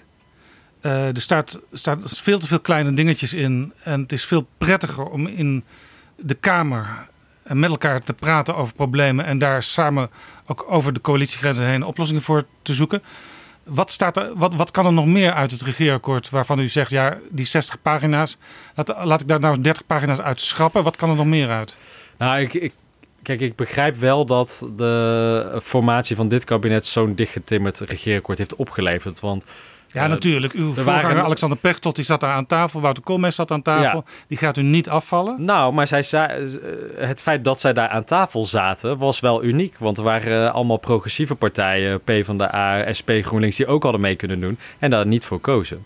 En in dat versplinterde politieke landschap toch nog een kabinet vormen. Dat kon helaas dus niet anders dan op deze manier. Maar ik ben nu vijf maanden fractievoorzitter. Ik ervaar dus uh, hoe het is om met vier partijen die verantwoordelijkheid te dragen. Um, en en mijn, mijn wens, mijn hoop is, is dat we in een nieuwe Kamerperiode weer uh, op wat meer hoofdlijnen afspraken kunnen maken voor zo'n regeerakkoord. Zodat je ook als Kamer toch een wat sterkere rol ook kan pakken ten opzichte van het kabinet. Waarin je af en toe met wisselende meerderheden uh, oplossingen vindt voor problemen die je ziet met elkaar. Ja, een derde muur die je wil slopen is de muur tussen mensen die heel veel macht hebben en mensen die heel weinig macht hebben, of het gevoel hebben weinig mhm. macht uh, te hebben. Een van de dingen die u daarbij bedacht heeft is de gekozen formateur, eigenlijk liefst de gekozen minister-president. Nu had ik in betrouwbare bronnen ook Johan Remkes uh, te gast, die in zijn grote, dikke uh, staatshervormingsbijbel ook pleit voor een gekozen formateur. Ja. En ik vroeg hem: kan in dat systeem wat u hier voorstelt zouden ook Gordon of Joling zich kunnen kandideren voor het formateurschap. En hij moest toegeven dat dat inderdaad het geval was. Ja. Net zoals dat Gordon en Joling zich nu al kunnen kandideren voor de Tweede Kamer. En daarmee dus ook in potentie de premier van Nederland zouden kunnen worden. Uh, daar moeten we ook denk ik niet bang voor zijn. Ik denk dat de Nederlandse kiezer prima in staat is om te bepalen uh, wie ze in de Tweede Kamer willen hebben. Uh, maar die Nederlandse kiezer heeft nu het gevoel, en ik snap dat dat ze onvoldoende invloed hebben op de vorming van het kabinet. Want je stemt op een partij. En vervolgens is er zeven maanden een formatie. En dan komt een kabinet uit waarvan je denkt: is dat nou waar ik voor naar de stembus ben gegaan? En ik pleit er dus voor om mensen twee stemmen te geven. Stemmen op de partij waarvan je denkt: die kan mijn idealen het beste verdedigen in die Tweede Kamer. Maar ook een stem op een formateur waarvan je denkt: dat is de man of de vrouw die nu het beste in staat is om een kabinet te vormen, een ministersploeg samen te stellen um, en samen te werken met die Tweede Kamer. Dan kun je daarna dus zowel je partij van jouw keuze afrekenen, heeft, is die inderdaad opgekomen voor mijn belangen en je kunt die gekozen formateur of premier afrekenen op... heeft hij nou echt op een goede manier dat kabinet geleid. Maar die premier moet natuurlijk wel in een soort van formatie... een meerderheid in de Tweede Kamer achter zich krijgen, anders wordt het niks. Nee, dat klopt. Maar het mooie van zo'n systeem zou dus wel zijn... dat uh, je denk ik weer wat meer dualisme ook krijgt tussen kabinet en Kamer. Omdat zo'n gekozen formateur of premier ook een eigen mandaat heeft... Um, en ook met wisselende meerderheden af en toe kan spelen. En je ziet in een aantal landen, zoals Scandinavische landen, dat dat eigenlijk heel erg mooi werkt. En ik ben zelf dus ook helemaal niet bang voor een periode straks in, uh, na de statenverkiezingen, waarin wellicht in de Eerste Kamer geen meerderheid meer is voor de coalitie. Omdat je daarmee ook andere partijen die nu geen verantwoordelijkheid hebben genomen, ook dwingt om dat nu wel te gaan doen. U noemde bij mensen die weinig macht hebben ook uh, uh, allerlei diversiteit die nu ontbreekt in de politiek. Nou heeft uw partij in het kabinet meer vrouwen dan mannen, als ik goed reken. Ja, vier vrouwen, twee mannen. Gaat u dat eisen van uw partners voor de toekomst? Want anders is het natuurlijk een loze, loze kreet. Nou, wij geven als D66 het goede voorbeeld. Uh, niet alleen in het kabinet, maar uh, ook met uh, onze provinciale lijsten, nu de Europese lijst, mannen, vrouwen, allerlei diverse achtergronden. Ehm, en ik denk dat het ook goed zou zijn als andere politieke partijen die verantwoordelijkheid ook nemen. Maar gaat u gewoon in de formatie, als u straks daar aan tafel zit, ik weet niet waar dat is, want dat zal ongetwijfeld een minder bedompt kamertje zijn dan tot nu toe met al uw democratiseringsplannen. Maar gaat u gewoon tegen de partijen met wie u aan tafel zit, oké, we gaan samen regeren. Ik eis van jullie dat jullie uh, duidelijk laten zien dat er meer diversiteit komt, ook in het kabinet. En dat bijvoorbeeld de verhouding man-vrouw ongeveer 50-50 moet zijn. Nou, wij, zullen als D66 in ieder geval altijd uh, blijven zoeken naar diverse kandidatenlijsten van D66 en ook diverse ministersploegen. Um, ik denk, en dat heeft Alexander ook in de formatie uh, gedaan en ook daarna, uh, dat wij gewoon ook een klemmend beroep blijven doen op die andere partijen om dat goede voorbeeld te volgen. Maar dat gaan we dat afdwingen. Eh, ik weet niet wat dat oplost. Wij kunnen als D66 wel het goede voorbeeld geven zoals we nu doen. Ja, D66 heeft nu dus meer vrouwen dan mannen. De verhouding was eigenlijk trouwens in een bepaald scenario 50-50 geweest. Want u zat even op het lijstje voor staatssecretaris waar nu Stientje van Veldhoven zit, infrastructuur en waterstaat. Uh, dat heb ik na de formatie ook begrepen dat ik op een lijstje heb gestaan. Maar ik ben heel erg blij met, met de ministers en staatssecretarissen. Dat begrijp ik, maar het is u nooit gevraagd? Ik heb daar heel kort over gesproken, maar ik was toen net Kamerlid. Ik was uh, toen op dat moment volgens mij net 30. Maar zegt u nou dat u het dus geweigerd heeft? Nee, nee, zeker niet. Maar ik, vond het, ik kon me er eigenlijk niks bij voorstellen dat, ze, dat dat toen nog ging gebeuren. Ik was toen heel erg blij dat ik in de Kamer was verkozen. Had vooral heel veel zin om te groeien in mijn rol als Kamerlid. en ik had zelf eerlijk gezegd nog niet gedacht aan een plekje in het kabinet. Ja. U bent nu fractievoorzitter. nog niet helemaal de partijleider, maar eigenlijk de meeste van mijn collega's noemen u gewoon de, de partijleider. Moet de partijleider van D66 altijd in de Tweede Kamer zitten? Nee, dat denk ik niet. Uh, ik vind het wel heel belangrijk dat onze leden die partijleider kiezen. Dus als er Tweede Kamerverkiezingen komen, dan mogen de leden zich daarover uitspreken. Dat, dat helpt je denk ik ook, want dan heb je een mandaat van die leden waarmee je verder kunt. Um, Alexander heeft er denk ik wel goed aan gedaan om in de Kamer te blijven zitten. Na zo'n hele lange formatie uh, was het goed dat hij vanuit de Kamer ook het geluid van D66 kon verdedigen. Um, maar in het verleden hebben onze partijleiders, zoals Hans van Mierlo, ervoor gekozen om in het kabinet te gaan zitten. Dat hangt helemaal af, denk ik, van de coalitie waarin je je bevindt en waar je als partij staat op dat moment. Mocht u lijsttrekker worden, gaat u dan zelf, blijft u dan zelf in de Kamer de volgende periode ook? Nou, ik moet voor mezelf nog beslissen of dat ik uh, beschikbaar ben voor dat lijsttrekkerschap. Uh, ik ben nu uh, volop bezig met de provinciale statencampagne en de Europese campagne. Ik zal daarna voor mezelf de balans opmaken of dat ik ook voor dat lijsttrekkerschap wil gaan. Um, en dan zullen we eerst Toch moeten nog zien twijfel. of dat ik. Nou ja, twijfel in de zin van. Uh, ik doe dit nu vijf maanden. Ik uh, begin er hartstikke veel plezier in te krijgen. Uh, maar ga dus wel ook nu voor het eerst een periode in met al die tv-debatten. een hele heftige campagne. En ik zal ook voor mezelf moeten ontdekken: past dat echt bij mij en wil de partij mij ook in die rol? Sigrid Kaag, nu de minister van Buitenlandse Handel en Ontwikkelingssamenwerking, die twijfelt ook, maar die twijfelt in een hele positieve zin. Want zij zegt: het zou een goed idee vinden. Uh, als er een lijsttrekkersstrijd komt in D66 en ze overweegt zelf daaraan mee te doen. Ja, dat zou ik heel mooi vinden. U juicht dat toe als zij zich meldt? Nou, ik zou het in ieder geval heel mooi vinden als er een lijsttrekkersstrijd komt. Uh, zodat de leden van D66 uh, wat te kiezen hebben. We ook met elkaar debat kunnen voeren in de partij van waar willen we naartoe. Um, en als we uh, dan de luxe hebben dat we kunnen kiezen uit hele goede bewindspersonen, uh, ambitieuze Kamerleden, misschien ook mensen van daarbuiten die het zouden willen doen, dan is dat denk ik alleen maar goed. Dus de kracht van een interne partijdemocratie met meer dan 25.000 leden. Dus het zou zomaar kunnen dat en Rob en Sigrid Kaag en misschien nog anderen straks bij de D66-leden op het stembiljet staan. Uh, nou, dat, uh, dat gaan we denk ik pas uh, over een jaar of wat zien als die Tweede Kamerverkiezingen er daadwerkelijk aan zitten te komen. Um, maar zoals ik net zei, ik ga in ieder geval voor mezelf die afweging maken als we over een half jaar deze twee campagnes hebben gehad. Nog even één ding tot slot. In het CDA is deze week Wopke Hoekstra als premierkandidaat naar voren geschoven door Sibrand Buma. Hm. U bent de collega van Sibrand Buma, de fractieleider van D66. Wie wordt uw premierkandidaat? Nou, dat is uh, iets wat we dus ook op een veel later moment als D66 pas uh, zullen moeten gaan bepalen. ik heb afgelopen week daar een grapje over gemaakt bij Eva Jinek. Ik merkte dat dat, dat in ieder geval goed viel.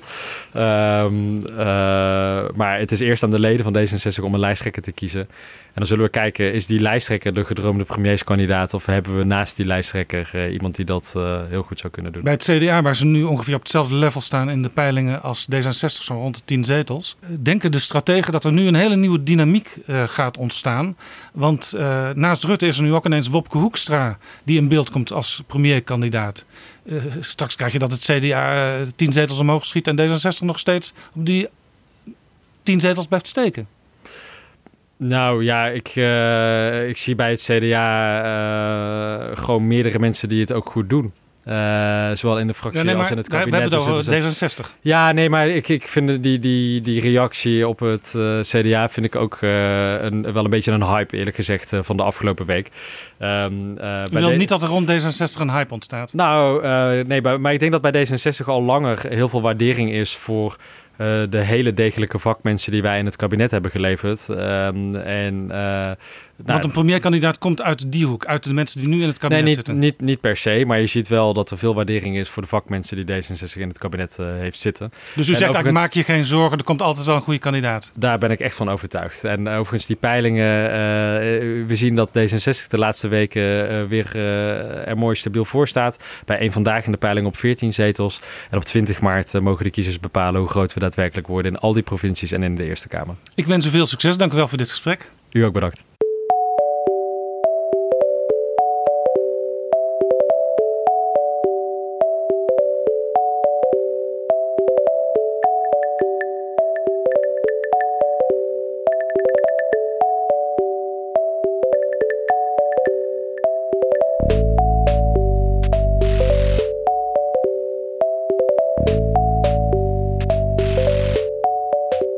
Zo, dit was Betrouwbare Bronnen, aflevering 27.